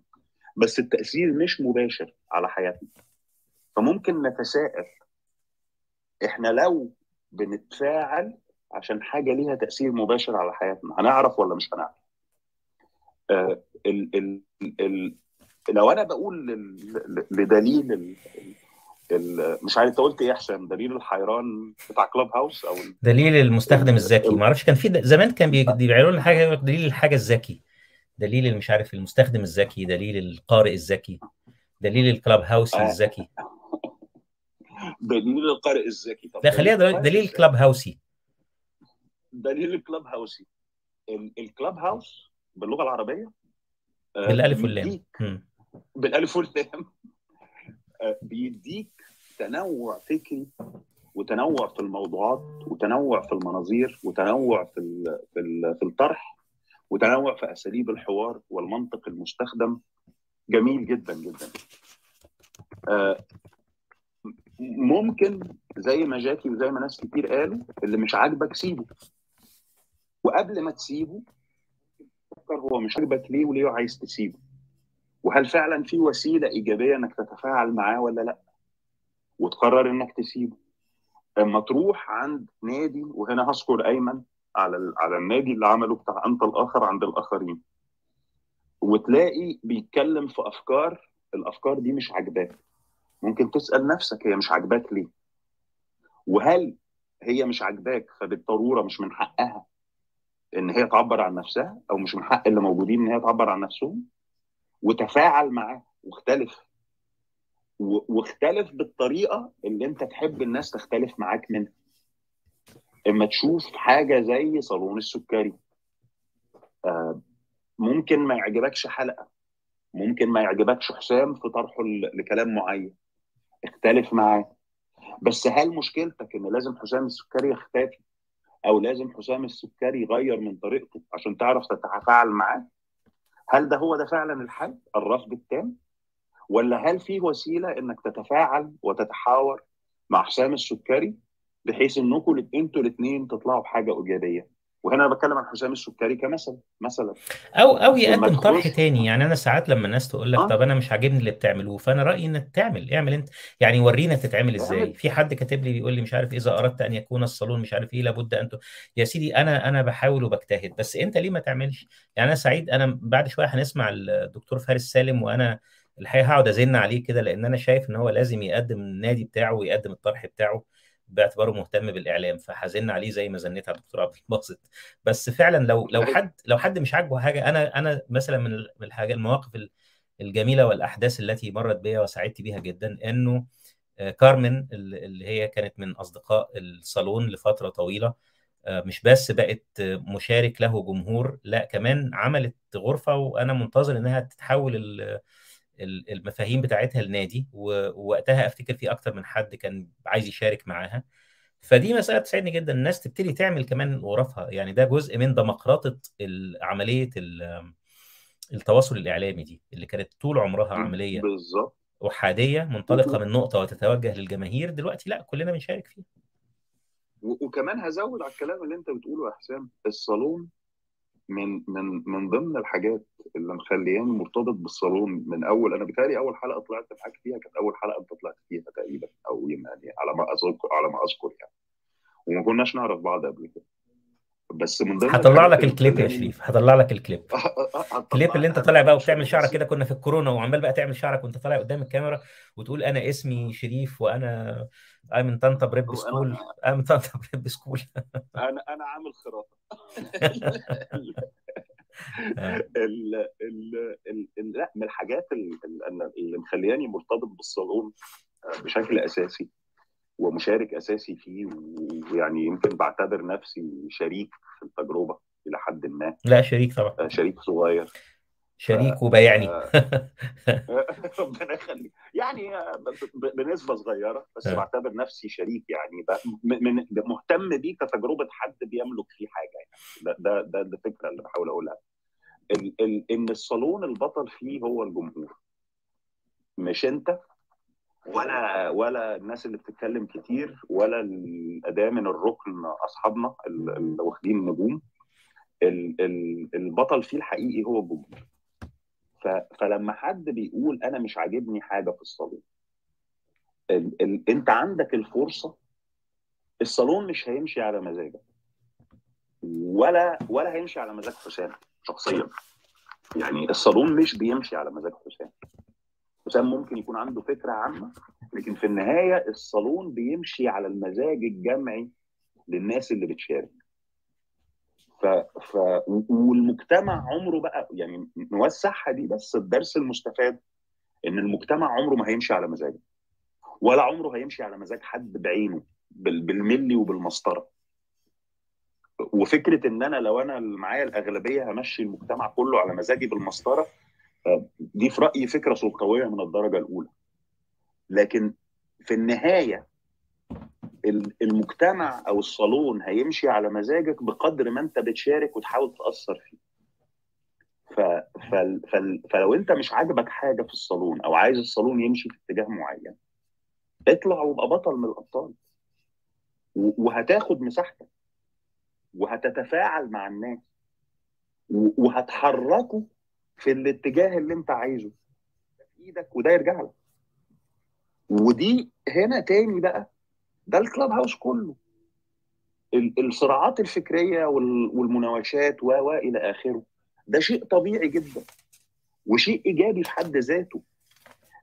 ما بيبقاش الإيجابية دي بينتقص منها لما ما بنبقاش عارفين نتعامل معاها إزاي. لما نبقى متخيلين إن يا كل حاجة تمشي بالمسطرة زي ما أنا عايز يا هي سلبية وملهاش لازمة ونرجع للفكرة الأساسية ده هو المجتمع وحش والناس كلها وحشة وكلكم وكلكم رعاع إلا أنا. كلكم فشلتوا. أو كل أو كلكم فشلتوا أو كلكم كلكم سلطويين منحازين وأنا موضوعي وكلكم مسيسين الا الا وأنا. يعني يعني ما هو إحنا كل واحد فينا هو بطل قصته. ف ف بس كل واحد عنده قصة وكل واحد عنده وجهة نظر. وحتى لو أنت شايف إن وجهة النظر بتاعت الآخرين آه، غير موضوعية وغير ذات حيثية فهي جزء من المعادلة. ولابد أن تجد طريقة إنك تتفاعل معاها ولابد أن تجد طريقة إن التفاعل ده يكون إيجابي. والصالون أحسن مثال. يعني اللي شايف إن الصالون ما بيناقش موضوع أو بيناقش الموضوعات بشكل مش عاجبني. طب اطلع اعرض الشكل اللي يعجبك. واختبره. الشكل اللي أنت شايفه عاجبك ده ممكن لما يتفاعل مع الأفكار التانية. مش هقول لك يا سيدي تغير رأيك. هقول لك على الأقل تشوف الأمور بنظرة أوسع شوية. أو تفهم الناس المختلفة دي بتفكر كده ليه. أنا طولت قوي يا حسام وهضطر أعتذر عن الإطالة كده. ف... والنهاردة الموضوع كبير أنت كل مرة كتير بتتحايل عشان تقول أعتذر عن الإطالة. فأنا أنا مش عارف إذا كان المره الجايه أقدر أخليك تعتذر عن الاختصار ولا لأ بس. عامة شكرا والله الموضوع يعني التجربة تجربة الكلاب هاوس وتجربة الصالون. لا الصالون هيبقى له قعده تانية لأن الصالون برضو جميل. الصالون ليه قصة كبيرة الحقيقة قصة أكبر بش يعني أكبر شوية من قصة الكلاب هاوس. بس أنا أنا انتهزتها فرصة عشان أحتفل بالبالونة و... بالظبط كده. وعشان وعشان وأنت طيب. وأنت طيب يا شريف. وعشان كمان آه، يعني فعلا أعرف من الناس آه، إيه الحاجات اللي بيحبوها عشان يتعمل كتير منها وإيه الشخصيات والأسماء والكلابات آه، ال- ال- التي ينصح بأن ترى وأن يستمع إليها. خليني آه، طبعا خالد أنت معانا وقت ما تحب أنت صاحب بيت. وعايز يلا عايز تيجي دلوقتي ولا ولا تيجي بعد يسرى ولا ولا ولا تيجي بعد أيمن زي ولا زي ما أنت عايز. أنت لو قاعد قاعد. يعني لو قاعد خليك ما أنا قاعد ما اتكلمتش برضه. بس لو لو عندك حاجة أقول شيء قول. خد خش. أكمل. خش. أكمل على شريف علشان هو في نفس الحتة. واقول إن الحقيقة إن مش أك... مش أول حاجة بستفيد منها في كلاب هاوس هو المحتوى. آه، أنا بحب بحب المحتوى بتاع نسيم بحب المحتوى بتاع دكتور عبد الباسط. بحب يعني المحتوى مهم وكل حاجة آه، بس مش ده المكان اللي أنا داخل فيه علشان المحتوى. لأن الحقيقة أنا ممكن ألاقي ناس على يوتيوب أو محاضرات جامعة مفتوحة بتشرح الحاجة بطريقة لطيفة جدا. الجميل في كلاب هاوس ال interaction إن ما- أنا مش هعرف ألاقي نسيم على يوتيوب ولا هلاقي نسيم وهو بيدي محاضرة في الجامعة وأعرف أسأله آه وبعدين أعمل follow up question أسأله تاني علشان أستوضح وبعدين حد تاني يسأل سؤال لنسيم فهو يجاوب فالإجابة تفتح لي حاجة ال ال ال ال الديناميكية دي التفاعلية دي مش موجودة غير على كلاب هاوس وده ودي حاجة جميلة و- وبحبها. في رايي وزي ما شريف قال it's immediate أنا كاتب في البايو بتاعي. Talking is immediate to our uh, human nature. أو الكلام ألصق لطبيعتنا الإنسانية. يعني. ال- ال- التفاعلية اللي بتحصل دي هي بقى اللي بالنسبة لي رائعة ومدهشه وبتنور وبتعلم وكل حاجة. آه، لأن إحنا داخلين متساويين. كلنا فعلا متساويين على ال على ال على الابلكيشن الديمقراطية دي. لكن كلنا جايين من حتت تانية محملين بثقافتنا وبالإرث الثقافي بتاعنا. آه، بمعنى وده بنشوفه دايما في أي مشكلة. يعني أنت لما بتعرض مشكلة على على مجموعة من الأصدقاء خلفياتهم المهنية غالبا بتوجههم للحل. فلو أنت مع اي أي مشكلة مشكلة مثلا صاحبي بي صاحبي بيعيط كتير مثلا. اي أي حاجة يعني. تلاقي لو قلتها لضابط شرطة تلاقي ال- ال- الرد بتاعه لا أنت لازم تحقق معاه. ولازم تبقى تبقى قاسي عليه شوية. ولازم لازم تواجهه لازم تضربه علشان يفوق لازم تعاقبه علشان يبطل. هيبقى حاجة كده. لو كلمت دكتور نفساني هيبتدي يقول لك لا والله ده هو في مشكلة نفسية. محتاجين طب وهو صغير كان بيعمل إيه؟ طب هل هو عنده مرض ما فكريا ولا ذهنيا ولا وهتلاقيه ماشي في السكة دي. ونفس الكلام لو كلمت واحد آه، واحد دكتور جامعة مؤاخذه شريف هتلاقي الكلام كله إيه؟ محتاجين نحلل محتاجين ندور على الأسباب محتاجين نعلمه إزاي يتعامل مع مع المشاعر اللي بتخليه يعيط وهكذا. على كلاب هاوس بقى أنت بتلاقي شاب في قرية صغيرة نائيه ومع ومجتمع معزول عنده application بيدخل room يتكلم مع واحد دبلوماسي بيلف العالم وده ودي مش أمثلة يعني م... م... أنا ببالغ فيها لا يعني يعني مثلا في في ذهن اتنين دلوقتي هم كده بالظبط في واحد عنده itinerary كده هيلف مثلا هيلف الشهرين الجايين قاعد يسافر قارات العالم. وقاعد ف... وقاعد جنبه واحد في قرية. وبيتكلموا وهم راسبر. كل واحد فيهم بيتكلم من خلفيته ومن ثقافته. آه ال dynamics اللي بتحصل دي مدهشة ورائعة. ومش ومش شايف لها مكان تاني يحصل فيه. يعني أنا مش عارف ده ممكن يحصل فين. ده ده يعني يمكن عندك أنت على ال... على البرنامج بتاعك برضو وأنا بحبه لأنه هو من ال... ال... البرنامج اللي سمح للناس تدخل randomly من غير ما يبقوا معروف مين اللي هيدخل. انت بتفتح الكاميرا واللي, يطلع يطلع يعني. أو بتحط ال link واللي يجي يجي بدون أي تجهيز مسبق. فده نوع في نوع من ال empowerment and you're enabling marginalized أو ناس مهمشة ما يمكن ما كانش عندهم الفرصة إن يبقى ليهم منابر زي دي. آه، ده اللي بيعجبني في كلاب هاوس بيعجبني كمان يعني زي ما جاكي أنا كنت سامع جاكي وهي بتقول أنا مصدومة من ال أنا مصدومة إن إن ناس مسلمين ما يعرفوش حاجات عن الاقباط ومصدومة إن هم لما ما عرفوش الحاجات دي كانوا يعني ما ولا في بالهم.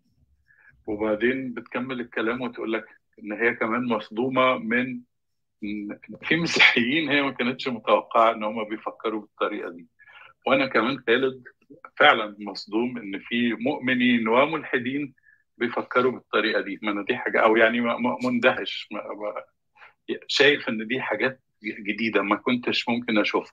تشوف بقى حاجات جميلة كده زي ناس مثلا بتشتم. ناس بتشتم. هي طريقتها في الكلام إن هو بتشتم شتايم شتايم ناس تانية بتشوفها خارجة. و... و... ولا ولا تصح. وناس ما بتشتمش خالص وهو في غاية التهذيب بس مضطرين يتعاملوا مع بعض. مدهشة بقى بتبقى مدهشة. ال dynamics بتبقى مدهشة. آه، بشوف كمان إن الناس بتقيم كلاب هاوس حسب توقعاتها. يعني في واحد داخل كلاب هاوس يغير العالم. فيبقى محبط طبعا. العالم مش هيتغير من كلاب هاوس. أو واحد داخل كلاب هاوس عشان يحشد الناس وراه. فتلاقي الناس لا لا تحشد وراه فيبقى مستغرب جدا. أو في واحد داخل يقول يعلم الناس. ف... فالناس مش مش عاوزة تتعلم. الناس شايفة مثلا الناس مش عايز تتعلم منه. أو مش عاوز اتعلم أصلا. يعني يعني أنت عاوز تعلمني مثلا حاجة أنا عاوز أنا عاوز أعرف أعمل الكشري إزاي. أنا عاوز كشري يا جدعان. مش عاوز أنا مش مهتم بال مش مهتم بال... باللي أنت هتعلمه. مش مهتم بتعلم القانون أو علم الاجتماع أو أي أو السواقة ايا كان. أنا عاوز آكل كشري بس وداخل مشغل الكلاب هاوس في ال background. بس ده اللي أنا عاوزه. آه، التفاعلية اللي في الكلاب هاوس دي بدرجاتها المختلفة وأعماقها المختلفة هي دي اللي بتخليني هي دي اللي بتخليني مساحة رائعة كده ومدهشة؟ طول الوقت بتفرج. ال- ال- المزيكا مثلا في غرف مزيكا بتحصل. هو هو الكلاب هاوس مش مكان للمزيكا. أنا ب... أنا أنا عندي عندي حاجات للم... أنا عامل اشتراك في حاجات مزيكا رائعة. هختار مزيكا بمزاجي وكواليتي أعلى بكتير و... وكل وهختار بمزاجي. بس هو فكرة إن إحنا قاعدين مع بعض نسمع مزيكا وممكن نختار وممكن يغنيها بطريقة وحشة. آه بس بس فكرة إنها موسيقى حية لايف كده بت... بتخلي قيمة تانية خالص لأنها بتخليها لحظة متفردة مش هتتكرر اللحظة دي مش هتتكرر. لما كح ولما اتكعبل في الكلمة ولما تعلثم ولا عدم كل ده بيخليها لحظة لحظة لن تتكرر. ده ده في رأيي هو ال هو ال هو أحلى حاجة في ال في الكلاب هاوس. وده في رأيي اللي إحنا بنتعلمه آه، بدرجات مختلفة. يعني في ناس ممكن تلقطه بسرعة في ناس ممكن تلقطه ببطء في ناس ممكن تفكر فيها بعد ما بتحصل بأسبوع آه، في ناس بتفهمها بساعتها في ساعتها والمراجعات اللي مع النفس يعني لما أجي أقول لك يا حسام على فكرة أنت يا حسام مش مهم خالص هل ده يخليك مش مهم؟ يا لو أنا قلت عليك مش مهم هل ده يخليك خلاص بقيت مش مهم؟ لا أنت هتفضل مهم بس هل أنا بضحك على نفسي بقى؟ طب أراجع نفسي طب أفكر شوية. ال- التأثيرات دي هي اللي في رأيي آه، أهم حاجة في هاوس مم. أنا برضو طولت وهستلف بقى آسف على اللي طيب آه قبل ما نروح ليسرا جاكس عايزة تقول حاجة. أنا بس عايزة أفكر خالد بال rooms بتاعت ال voice over ال voice عشان over خالد آه. خالد أخد credit فاكر يا خالد بي بي سي آه. آه آه مثلا. فأنت أكيد لازم تقول ده يعني. لازم. لا والغرف يا خالد اللي واحد كانت الغرف اللي كانت موجودة في الأول إحنا عملنا غرف للحديث بالعربية الفصحى ودخلنا في غرف آه، ن- نتطارح الشعر وأنت قريت قصايد من تأليفك وقعدنا نلقي أشعار بالعامية وبالفصحى كانت برضو حاجة جميلة في ال- في الكلاب هاوس. آه، شو- شكرا يا جاكي. أنا عندي إيمان في الاستوديو وعندي يسرا في الكلاب هاوس. مين فيكم آه، يدخل؟ أي حاجة يا حسام مش هتفرق. لا اختاروا أنتوا بقى. ما أنا هي ال ال ال round اللي جاية بتاعت مشاركات مش مشاركين. ممكن طب تتعازموا على بعض. أنا إيمان إيمان اتفضل. عادي اتفضلي يا يسرا مش مشكلة. أحب اورط الناس مع بعض كده. ماشي خلاص okay هتفضل. طيب اتفضلي. كل سنه وانت طيب يا حسام وأنت طيب. يعني آه، طيب في في يعني مبدئيا كده rooms كتيرة قوي على الصالون هنا كانت آه، مهمة جدا وكانت رائعة ويعني مش هعرف أضرب أمثلة بإيه ولا بإيه. يعني طبعا ال- ال- الروم اللي اتذكرت أكتر من مرة أو الصالون بتاع آه، الخروج من النفق وقبلها ال- ال- الروم اللي كانت على آه، الخطاب الديني اللي كان فيها آه، دكتور آه، آه، مش قولي آه عب... عبادي شريف عبادي؟ لا لا لا لا اللي كان فيها الحوار مع دكتور أحمد شحاتة ودكتور آم، آم، الروم بتاعت أزاهرة يستنيرون أيوه بالظبط كده بالظبط كده يا حسام. ودي برضو كانت هايلة جدا. وفي روم أنا فاكرة أنت عملتها عن المشاكل بتاعه الدراسات العليا في مصر وال عبيد الدراسات العليا. أيوه بالظبط كده. يعني في رمز كتيرة جدا جدا أنت عملتها على الصالون يعني مش هعرف أعد كل الحاجات. آه، لكن كمان في clubs تانية و rooms تانية آم، آه، ال rooms اللي بيعملها أيمن آه، فإنت الآخر عند الآخرين. آه، طبعا ال clu- ال club بتاع آه، على خطى الامام محمد عبده من أهم ال- الحاجات اللي بتتعمل على ال Clubhouse rooms كتيرة قوي لعبيد ومنير كانت مهمة آه، جدا الحقيقة. آه، كمان آه، من الشخصيات المبهرة يعني الدكتور محمد أبو أحمد. ال rooms بتاعت أحمد لبيدي آم، كمان أنا بستمتع جدا بقى يعني آه، بخالد وشريف. يعني هم وجودهم كده في أي room هم يعملوا أي room بيبقوا ثنائي جميل جدا. بستمتع إن هم يبقوا مع بعض ويعملوا rooms إيه تاني؟ آه طبعا سعيد وأستاذ صالح وشيرين وناس كتيرة جدا. آه أعرفهم طبعا من الصالون لكن أو من ال group لكن التواصل على ال Clubhouse قرب المسافات كتير. أنا بس عايزة أقول إن إن أنا في بداية ال Clubhouse عملنا كنا مجموعة كده آه، للأسف ما بقيناش مع بعض يعني. لكن كنا مجموعة وبدأنا club اسمه حكاوينا وكان ناجح جدا وكان بيتعمل عليه rooms فيها موضوعات كتيرة. أنا أفتكر إن مثلا أول room عملتها على ال Clubhouse كانت عن ماذا تعرف عن العلمانية. آه، وأنا فاكرة إنها يعني أنا فاكرة كويس ال room دي الحقيقة وكانت room كويسة وجميلة جدا. وعملنا بقى rooms تانية وكل ال rooms اللي اتعملت على آه، على ال club بتاع حكاوينا عن ال- العنف آه، اللي بيقع على المرأة وكل ما يتعلق بقضايا المرأة كانت كلها كانت rooms rooms هايلة جدا. الحقيقة هو club حكاوينا تعرض لتقلبات كتير قوي الفترة اللي فاتت بس يعني أنا ناوية إن شاء الله الفترة اللي جاية دي إن هو يقف على رجله تاني ويعمل ويعمل rooms بشكل دوري أكتر. آه، وبشكل عام لو هتكلم على أهم مكسب بالنسبة لي على Clubhouse هي ال interaction مع النسويات من الدول العربية وال rooms اللي بتتعمل والتشارك في كل التجارب الحياتية. واللي اثمر مثلا النهارده اللي أنا برضو لو تسمحوا لي يعني إن أنا هعمل دعاية الحملة. لا والله أنا كنت هطلب منك أنا عارف لأنك بعتي لي ال poster فكنت عايز أسهلها لك يعني. طيب ماشي. okay ودي الحملة اللي إحنا يعني بدأوها النهارده. الحقيقة ما أقدرش أقول إن أنا كنت المؤسسين أنا يا دوبك انضميت بس. آه وهتستمر لغاية طبعا آه يوم 8 مارس وهي بعنوان حقي وفيها مجموعة الحقوق اللي الستات بتطالب بيها في الوطن العربي. آه يعني أنا ممكن مش عارفة ينفع مش عارفة. هو ال link عموما على ال profile بتاعي لو حد حابب يفتح ال Linktree اللي أنا حاطاه على ال profile عندي وي ويشوف ال- ال posters ويشوف ال- ال hashtags وكده وحب يشارك.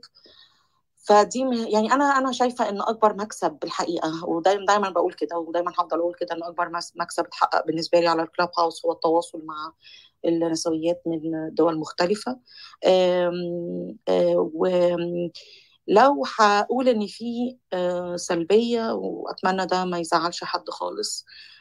أنا أكبر حقيقة أكبر سلبية الحقيقة يعني شايفاها هي الشلالية والأكتر من موضوع الشلالية إن آه، يعني هو يعني بيبقى الانتظار إن أنت تاخد مواقف معينة ولو ما أخدتش المواقف دي لانتمائك لمجموعة معينة أو لجروب معين يبقى أنت كده مشكوك فيك أو يتقلب عليك أو ايفر دي أكتر حاجة الحقيقة سيئة ضايقاني جدا. لأنها بتأيد الحرية وأنا أي حاجة بتأيد حريتي في وجودي في وسط أي مجموعة بيبقى بالنسبة لي شيء سلبي. ف يعني ماشي الناس تتكلم وكل حاجة وكل واحد هياخد الموقف اللي هو شايفه. ممكن أيد حد في موقف بس ما أيدوش في موقف تاني مش معناه إن أنا بكره الشخص ده. أنا بس مختلفة معاه بس في حتة الحساسية المفرطة اللي عند بعض الناس أنا لو ما خدتش الموقف الفلاني في الموقف في ال- في الخناقة الفلانية أو في المشكلة الفلانية يبقى أنا كده ضد هذا الشخص. آه، مش عارفة الحقيقة. وكمان مش بس كده لا وممكن أنقلب عليه وأشوهه كمان لأن هو مش واقف معايا. آه، دي دي كانت مأساة الحقيقة. آه، لكن الكلاب هاوس بشكل عام آم، تجربة ثرية والانتراكشن بالصوت آه، مهم جدا. كان في حد الأول بيتكلم مش فاكرة كان مين شريف ولا مين اللي كان بيقول إن إن ط- إن حتى التعبير بالصوت أو شيرين يمكن أعتقد بتبقى أحسن كمان من التعبير بالكتابة لأن بيبقى بتقدر إن أنت تعرف اللي قدامك بشكل أكبر. فأنا أنا مش متضايقة من من التجربة دي رغم المشاكل ورغم حملات التشويه اللي أنا تعرضت لها ورغم حاجات كتيرة قوي حصلت. آه وكمان فكرة ال- ال- أنا دايما كنت أنت بتقول حاجة في الجروب يا حسام عايزين نتخن جلدنا. فأعتقد إن أنا يعني اتعلمت هنا على الكلاب هاوس إن أنا أتخن جلدي ودي وده مكسب الحقيقة ما, ما كانش عندي من سنة يعني. طب كويس. بس. لا أنا شاكر ليك.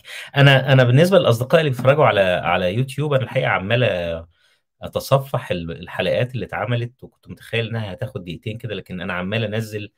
وسعيد أعتقد يعني مندهش معايا بإنه فعلا طلع عدد أكبر مما أنا متصوره من من الحلقات والموضوعات وفي حاجات كتير أنا شفتها وكنت ناسيها تماما يعني. فيعني أدعو أي حد من زباين الصالون يعني لسه عمال أعمل scrolling down ولسه الحلقات عمالة تيجي. ما بين أي حاجة بقى وأي حاجة يعني من أول الأفلام للسينما للعقيدة للعلاج والخنزير لويجز وإخواته والمولوتوف وعودة الأد يعني مش يعني فعلا كمية من الحاجات والكورونا وهاني شاكر وأبو تريكة و... والإجهاض يعني وأقباط خلف أسوار الكنيسة كمية حاجات أنا الحقيقة كنت ناسي إن إحنا عملنا الحاجات دي كلها مع بعض. فعايز بس الناس إيه اللي, اللي اللي كان اللي من زباين الصالون يدخل على آه، يوتيوب ويكتب صالون السكري ويدخل على الفيديوهات ويكتب مثلا arrange by time يعني ال- ال- بالأول بالأقدم فالأحدث وده اللي أنا عملته الحقيقة. آه، أنا بصراحة مندهش من من العدد ومن الكم ومن التنوع اللي الناس قدمته. وعايز أقول إن أنا يعني بشكل عام ممتن لل للكلاب هاوس كمان من ضمن الحاجات اللي بعض الأصدقاء لاحظوا إن أنا بعملها إني أحيانا بروح فاتح غرفة كده الظهر أقول يا جماعة أنا مش عارف هتكلم في إيه النهارده تحبوا نتكلم في إيه؟ والناس تطرح عليا أفكار و... وفي معظم الحالات بتكون أفكار نميسة جدا ولذيذة جدا و... وتستحق فعلا ال... إن الواحد يخصص لها يخصص لها وقت. ف يعني أنا من من ناحيتي أنا طبعا ممتن لهذه التجربة العظيمة لأن أنا شخصيا بتعلم منها يعني. يعني آه، أنا فعلا مندهش بال- بالتنوع اللي أنا قعدت أتفرج عليه ده و- و- وبتفرج عليه بامتنان بالغ لكل الناس اللي شاركوا فيه. لو كانت لو كانت يعني أنا لو لو, لو كنت ناوي أعملها الحقيقة أنا كنت هقعد أقراها كمان عشان أصدقاء في الكلاب هاوس يعملوها بس أنا كنت بسمع يسرا بوداني الاثنين وبعناية عمال أتفرج على ال- الأسماء بتاع الحلقات وأتفرج على سعيد وهو بيتفرج معايا. في نفس الوقت. آه، إيمان إزيك؟ أخبارك إيه؟ الحمد لله كل سنة وأنتم طيبين. وأنت طيب إحنا دلوقتي بالنسبة للاصدقاء في كلاب هاوس نتحول إلى الاستوديو ونسمع إيمان. آه، برضه مم. إيمان من الزباين القدام وأعضاء صالون السكري. أنا لحقتكم كويس أنا لحقتكم على اليوتيوب. طيب أنا آه، يمكن أنا كنت متابعاك على الفيس آه، أعتقد كنت friends عندك قبل الصالون. آه، بس آه، بعد كده فجأة لما حصلت ال- الحظر من الفيس آه، لقيت حد عامل لي دعوة ل group اسمه آه، أصدقاء صالون السكري وكان الأستاذ سعيد سمير وأنا ما كنتش أعرفه أساسا يعني. فقلت ده شكله عايز إيه ينتحل ال- الفكرة بتاعت حساب السكري أو عايز ياخدها طب إزاي ده أعمل معاه report ولا أعمل له إيه ده؟ بعدين لما قلت طب ما أشوف ال- الموضوع إيه بالظبط؟ واكتشفت إن هو فعلا عامل كدعم يعني اللي هو بيجمع أصدقاء الصالون في في الصفحة دي. آه، كنت مطنشها لأول كام يوم. وقتها أنا كنت محظور على على فيسبوك. كانوا بالظبط قافلين صح لي إمكانية إن أنا أعمل فيديو فسعيد اخترع الافتكاسة دي. علشان يقدر يبث الفيديو من يوتيوب على ال- الفيسبوك كنوع من محاولة الإيه؟ إن إحنا نتغلب على الحظر اللي كان معمول. واتطورت بقى الفكرة صحيح. organically كده زي الصالون نفسه ما اتطور بشكل تلقائي ال group كمان اتطور بشكل تلقائي بس كان صح اتطور مع سعيد صحيح. أنا وقتها شيرت أعتقد منشور عن موضوع الحظر وبعد كده كان جاتني دعوة من أستاذ سعيد. فأنا ما كنتش أعرف هو مين أساسا يعني. وبعد كده انضميت طبعا لل- لل group. آم، أنا بصراحة أنا مش عارفة داخلة أعمل إيه. أنا داخلة أقول كل سنة وأنتم طيبين و- وفعلا أنا يعني ال group خلاني يعني عامل الأول طبعا حصلت شوية يعني إيه صدمات خفيفة لأن أنا كنت من الأول يعني من أيام يناير والفيس وكده فآه كنت بشوف اختلافات كتير بس آه الجروب شوية كان فيه جرأة يعني كان فيه جرأة عملت لي شوية صدمات وفعلا هي دي اللي اللي, خلت الواحد يبقى عنده إيه يتخن جلده شوية. آه وبعد كده أنا كنت حريصة طبعا على موضوع الحلقات أكتر ما كنتش بشارك آه كنت بحضرها كانت عندي رهبة من المشاركة. وقررت في يوم كده إن أنا أدخل على اليوتيوب. اللي هو أنا عايزة أدخل كنت أحيانا خلاص اتكع عايزة أدخل بس أتراجع يعني. لغاية ما حصلت مرة ودخلت بعد كده خلاص بقيت أشارك يعني. ودي رهبة عندي من زمان يعني فكرة إن أنا أتكلم يعني وأطلع. بس لكن بصراحة أنا استفدت. أنا بقى عندي رهبة منك يا إيمان أنا دلوقتي اللي بقى؟ عندي رهبة. آه. عشان ال- اللي حصل ال- الحلقات اللي في الصالون اللي لا الصالون لا لا. لا يعني أنا قصدي إن الناس حققت تطور كبير قوي في الفترة اللي فاتت. بي- بين ما كانوا هيابين في الأول إن هم يدخلوا يتكلموا وبعدين دلوقتي بقى عندهم ثقة شديدة قوي لدرجة إن أنا ساعات لما بحب أنقل من من من عندهم لحد تاني ب... ب... بيقعدوا يسكتوني. يعني استنى اما أخلص أروح ساكت. يعني انت بتعمليها معايا وكارمن بتعملها معايا على فكرة وببقى مبسوط. يعني لا والله أنا فعلا من الناس اللي عندي رهبة إن أنا أتكلم قدام أي حد يعني. آه، بس بعد كده الأمور يعني بقت أحسن حاليا الحمد لله يعني. لا لا أنا آه، بقول فعلا فعلا بقيتي أحسن يعني. آه، عرفت ناس كتير لطيفة وبجد يعني لما تسمعها تحبها وناس ثرية يعني. من ضمنهم دكتورة هالة أنا ما كنتش أعرفها قبل قبل الصالون. كنت أعرف دكتور روبرت طبعا بس دكتور هالة لأ. وعرفت. آه عرفت طبعا خالد الشرقاوي عملت له متابعة وبعد وبرضه أستاذ سعيد طبعا من أيام ما ضافني يعني. وجاكي وعرفت ناس كتير لطيفة بجد يعني و... واستمتعت يعني. الحلقات كانت يعني بصراحة عرفتني بناس كتير يعني لطيفة. آه برضو آه بعدها أنا يعني حلقات الصالون طبعا كانت تستضيف ناس فت... فأنا بدأت أتابع الناس دي عن يعني خلاص أختار ناس معينة آم، عجبني الفكرة اللي طرحوها مثلا فبدأت أتابعهم وفتحت يعني فتحت مدارك كتير ومجالات كتير يعني. أم، بالنسبة لكلاب هاوس الرومات فعلا فيه كتيرة وميزته فعلا هي التفاعلية وميزته كمان إن أنت في وقت ما تحس نفسك يعني أنا بالنسبة لي عشان أنا في بره مصر يعني متغربة وماليش أص- أصحاب كتير يعني. فلما ببقى في إحساس كده شوية بالوحدة أو بإن أنا عايزة أسمع حد أتكلم مع حد وكده فبدخل كلوب هاوس أحيانا كتير يعني. أدخل كلوب هاوس أدخل يعني لا يعني أحب أسمع حد أتفاعل مع حد كده يعني. فدي دي ميزة لطيفة يعني. آه، دكتور عبد الباسط عمل خطوة بصراحة وأنتم داعمين فيها يعني. أنا أعتقد إنها من. من أفضل الخطوات اللي اتعملت خطوة ممتازة جدا والروم ممتاز جدا يعني. وأتمنى يستمر بس هو عايز مجهود بصراحة وعايز دايما حد يكون معاه يمكن هي دي الحتة عايز حد دايما يكون معاه في الإدارة بصراحة يعني عشان موضوع التكنولوجيا يعني. أه بس فأنا عايزة يعني أنا نفسي الصالون يستمر ويفضل دايما للأمام وبصراحة فتح الواحد على مواضيع كتير خالص و... وبالتوفيق يعني بس أنا حابة يعني أحتفل معاكم وأقول لكم كل سنه طيبين يعني. لا ولسه هنحتفل كمان و... وعايزك تدوري على الكليب بتاعك بتاع أول ظهور على الصالون على يوتيوب عشان يبقى ضمن الكليبات اللي هنحتفل بيها. لسه مش عارف هيبقى 20 مايو ولا 11 مايو.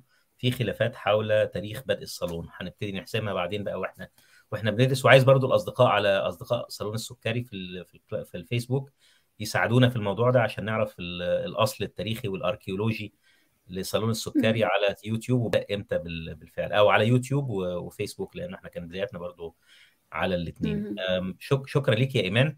أنا أنا ح يعني هنتهز الفرصة وأشكر الأصدقاء على هذه الحلقة الممتعة وعلى هذا اللقاء الجميل. و... وزي ما قلت وبقول دايما إحنا بنتقابل مع بعض كل أسبوع سبت وثلاث 9 مساء توقيت القاهرة على يوتيوب وبيريسكوب والحاجات دي كلها. و يا ريت تشتركوا في ال ال استنى هوريها لكم اهو عشان دايما أطلع الصورة دي. في يوتيوب على القناة عن طريق الضغط على هذا الزر الأحمر زر subscribe وال Linktree عايزكم تحفظوها لو ما عندكوش مانع يعني. سعيد عايز تقول حاجة قبل ما نقفل الجزء بتاع ال آه عاوز أقول حاجة. طيب. لأن إحساسي إحساسي. أنت إحساسك دايما صادق.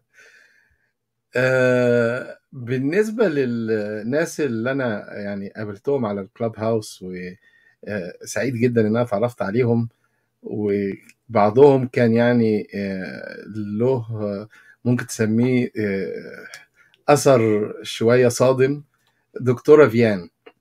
يعني أنا من طفولتي يعني أنا أذكر إن أنا كنت عضو في مجموعة الصحافة في المدرسة الإعدادية. وفي الصف الثاني الإعدادي كتبت موضوع عن أهمية التعليم الجنسي للطلبة في المدرسة بتاعتنا ومستغرب إن ليه ما فيش الموضوع ده. فدكتورة فيان على الكلاب هاوس أنا في رأيي عاملة ثروة ثورة على في الموضوع دوت. وأنا كنت فاكر إن أنا المواضيع الجنسية ديت دايما بقول نحاول إن إحنا من ما نأفورش قوي أو ما نبالغش في رد فعلنا عليها والمفروض ناخدها بشكل طبيعي وإن الجنس ده يعني أحد أهم المتع الإنسانية واحد بيلعب دور مهم في حياة كل الناس. بالرغم من كده في محظورات كتير عليه وخاصة في الثقافات المحافظة. وشايف إن التعليم الجنسي ممكن يلعب دور مهم في رفع الوعي الجنسي عند الناس وبالتالي حدة هذا الازدواج اللي موجود بين الواقع وبين ما يفرضه المجتمع المحافظ من ادعاءات أخلاقية. إنما دكتورة فيان في الحقيقة الغرف بتاعتها كانت بتعمل لي ساعات صدمات وكنت فاكر إن أنا ما بتكسفش اكتشفت لأ إن هي عندها قدرة إن هي تفاجئني دائما بمدى جرأة مواضيعها. وفي مواضيع مثلا بقى عشان نكمل معاها الغرفة ما دام بنتكلم على عام في الصالون. هيبقى كويس إن إحنا نسمع منها. تقييمها هي بقى الكلاب طبعا آه نعمل لها بينج. ومن ضمن الناس برضو اللي يعني تشرفت بإن أنا اتعرفت عليهم على كلوب هاوس حسن عيسى دكتور حسن عيسى. وهو شخصية مميزة وسوري هو. بيعجبني طريقة تفكيره بالرغم طبعا من تحفظي على بعض الحاجات بس بشكل مجمل في ناس كتير اتعرفت عليهم. حتى في ناس من اللي قد يتوقع إن أنا المفروض يكون عندي مشاعر سلبية ضدهم زي مشعان مثلا. ده هو شوية متطاول وساعات بي بيطلع عليا كلام زي مثلا مسميني سعيد أبو برنيطه بس آه، شخصية أنا بشوفها فيها حتة اوثنتسيتي كده آه، بتعجبني يعني آه، ممكن يقول حاجات الناس تشوفها إن هي مزعجة وأنا المفروض اشوفها مزعجة بس حتى بلاقي نفسي بضحك. يعني شخصية فيها كاريكاتيرية بشكل ما وعندي تخيل ليها كده مش مش رافض وجوده ولا منزعج من وجوده بالرغم إن هو بيعمل ضوضاء أحيانا ومزعج لناس كتير وليا أحيانا برضه. آه، ف- ففي فعلا يعني الواحد أنا مش عايز أنسى حد بس خديجة كمان أنا خديجة دي بموت فيها.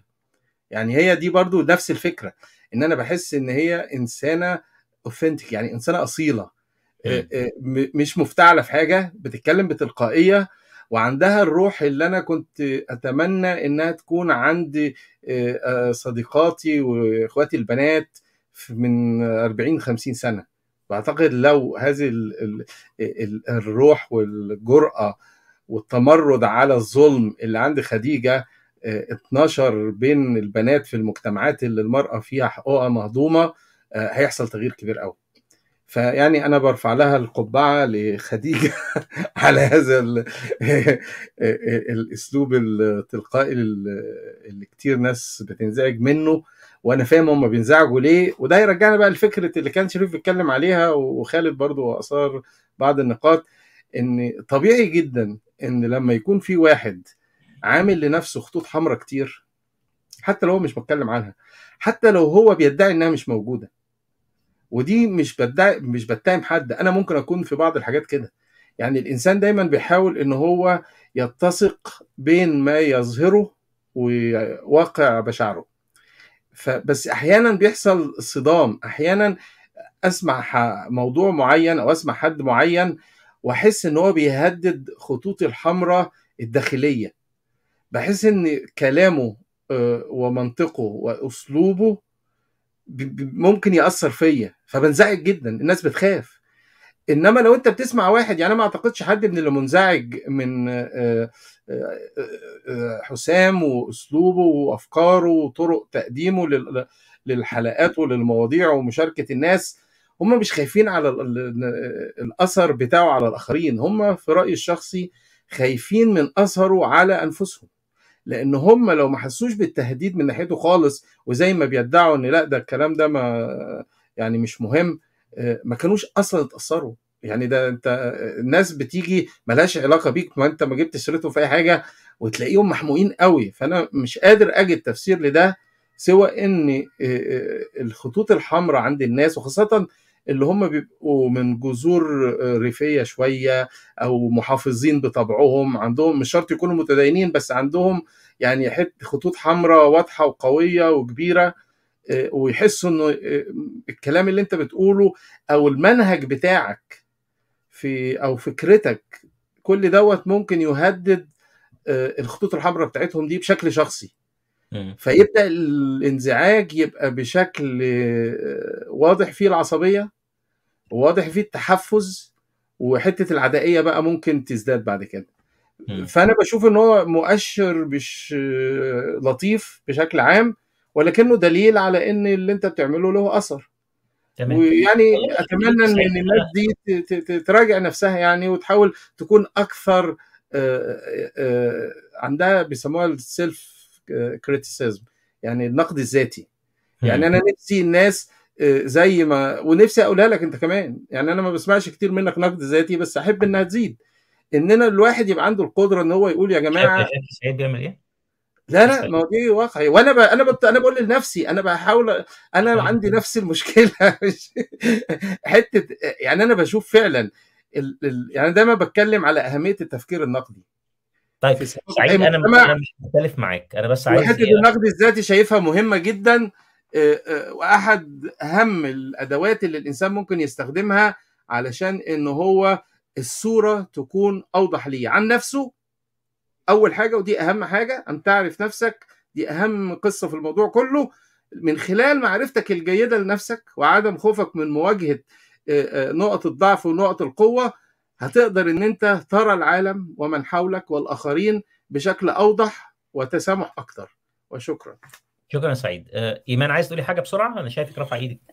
آه النقطة الصالون الأخيرة آه النقطة الأخيرة اللي ذكرها أستاذ سعيد آه، حكاية النقد الذاتي. أنا كنت بسمع في حلقات الصالون في الأول أول ما تابعته فعلا كانت في حاجات رغم إن أنا ممكن ظاهريا أتعامل مع البشر أو بانفتاح أو كده بس في حاجات برضه بت بتلمس معاك داخليا أنت مش ممكن ما تظهرهاش. فعلا تلمس مع خطوط عندك. آه، بس بس يعني أنا كنت بستجيب لفكرة إنه أفكر فيها وبتاع كنت يمكن هي بتلمس وأبدأ بعد كده أخد فترة أفكر وأدور.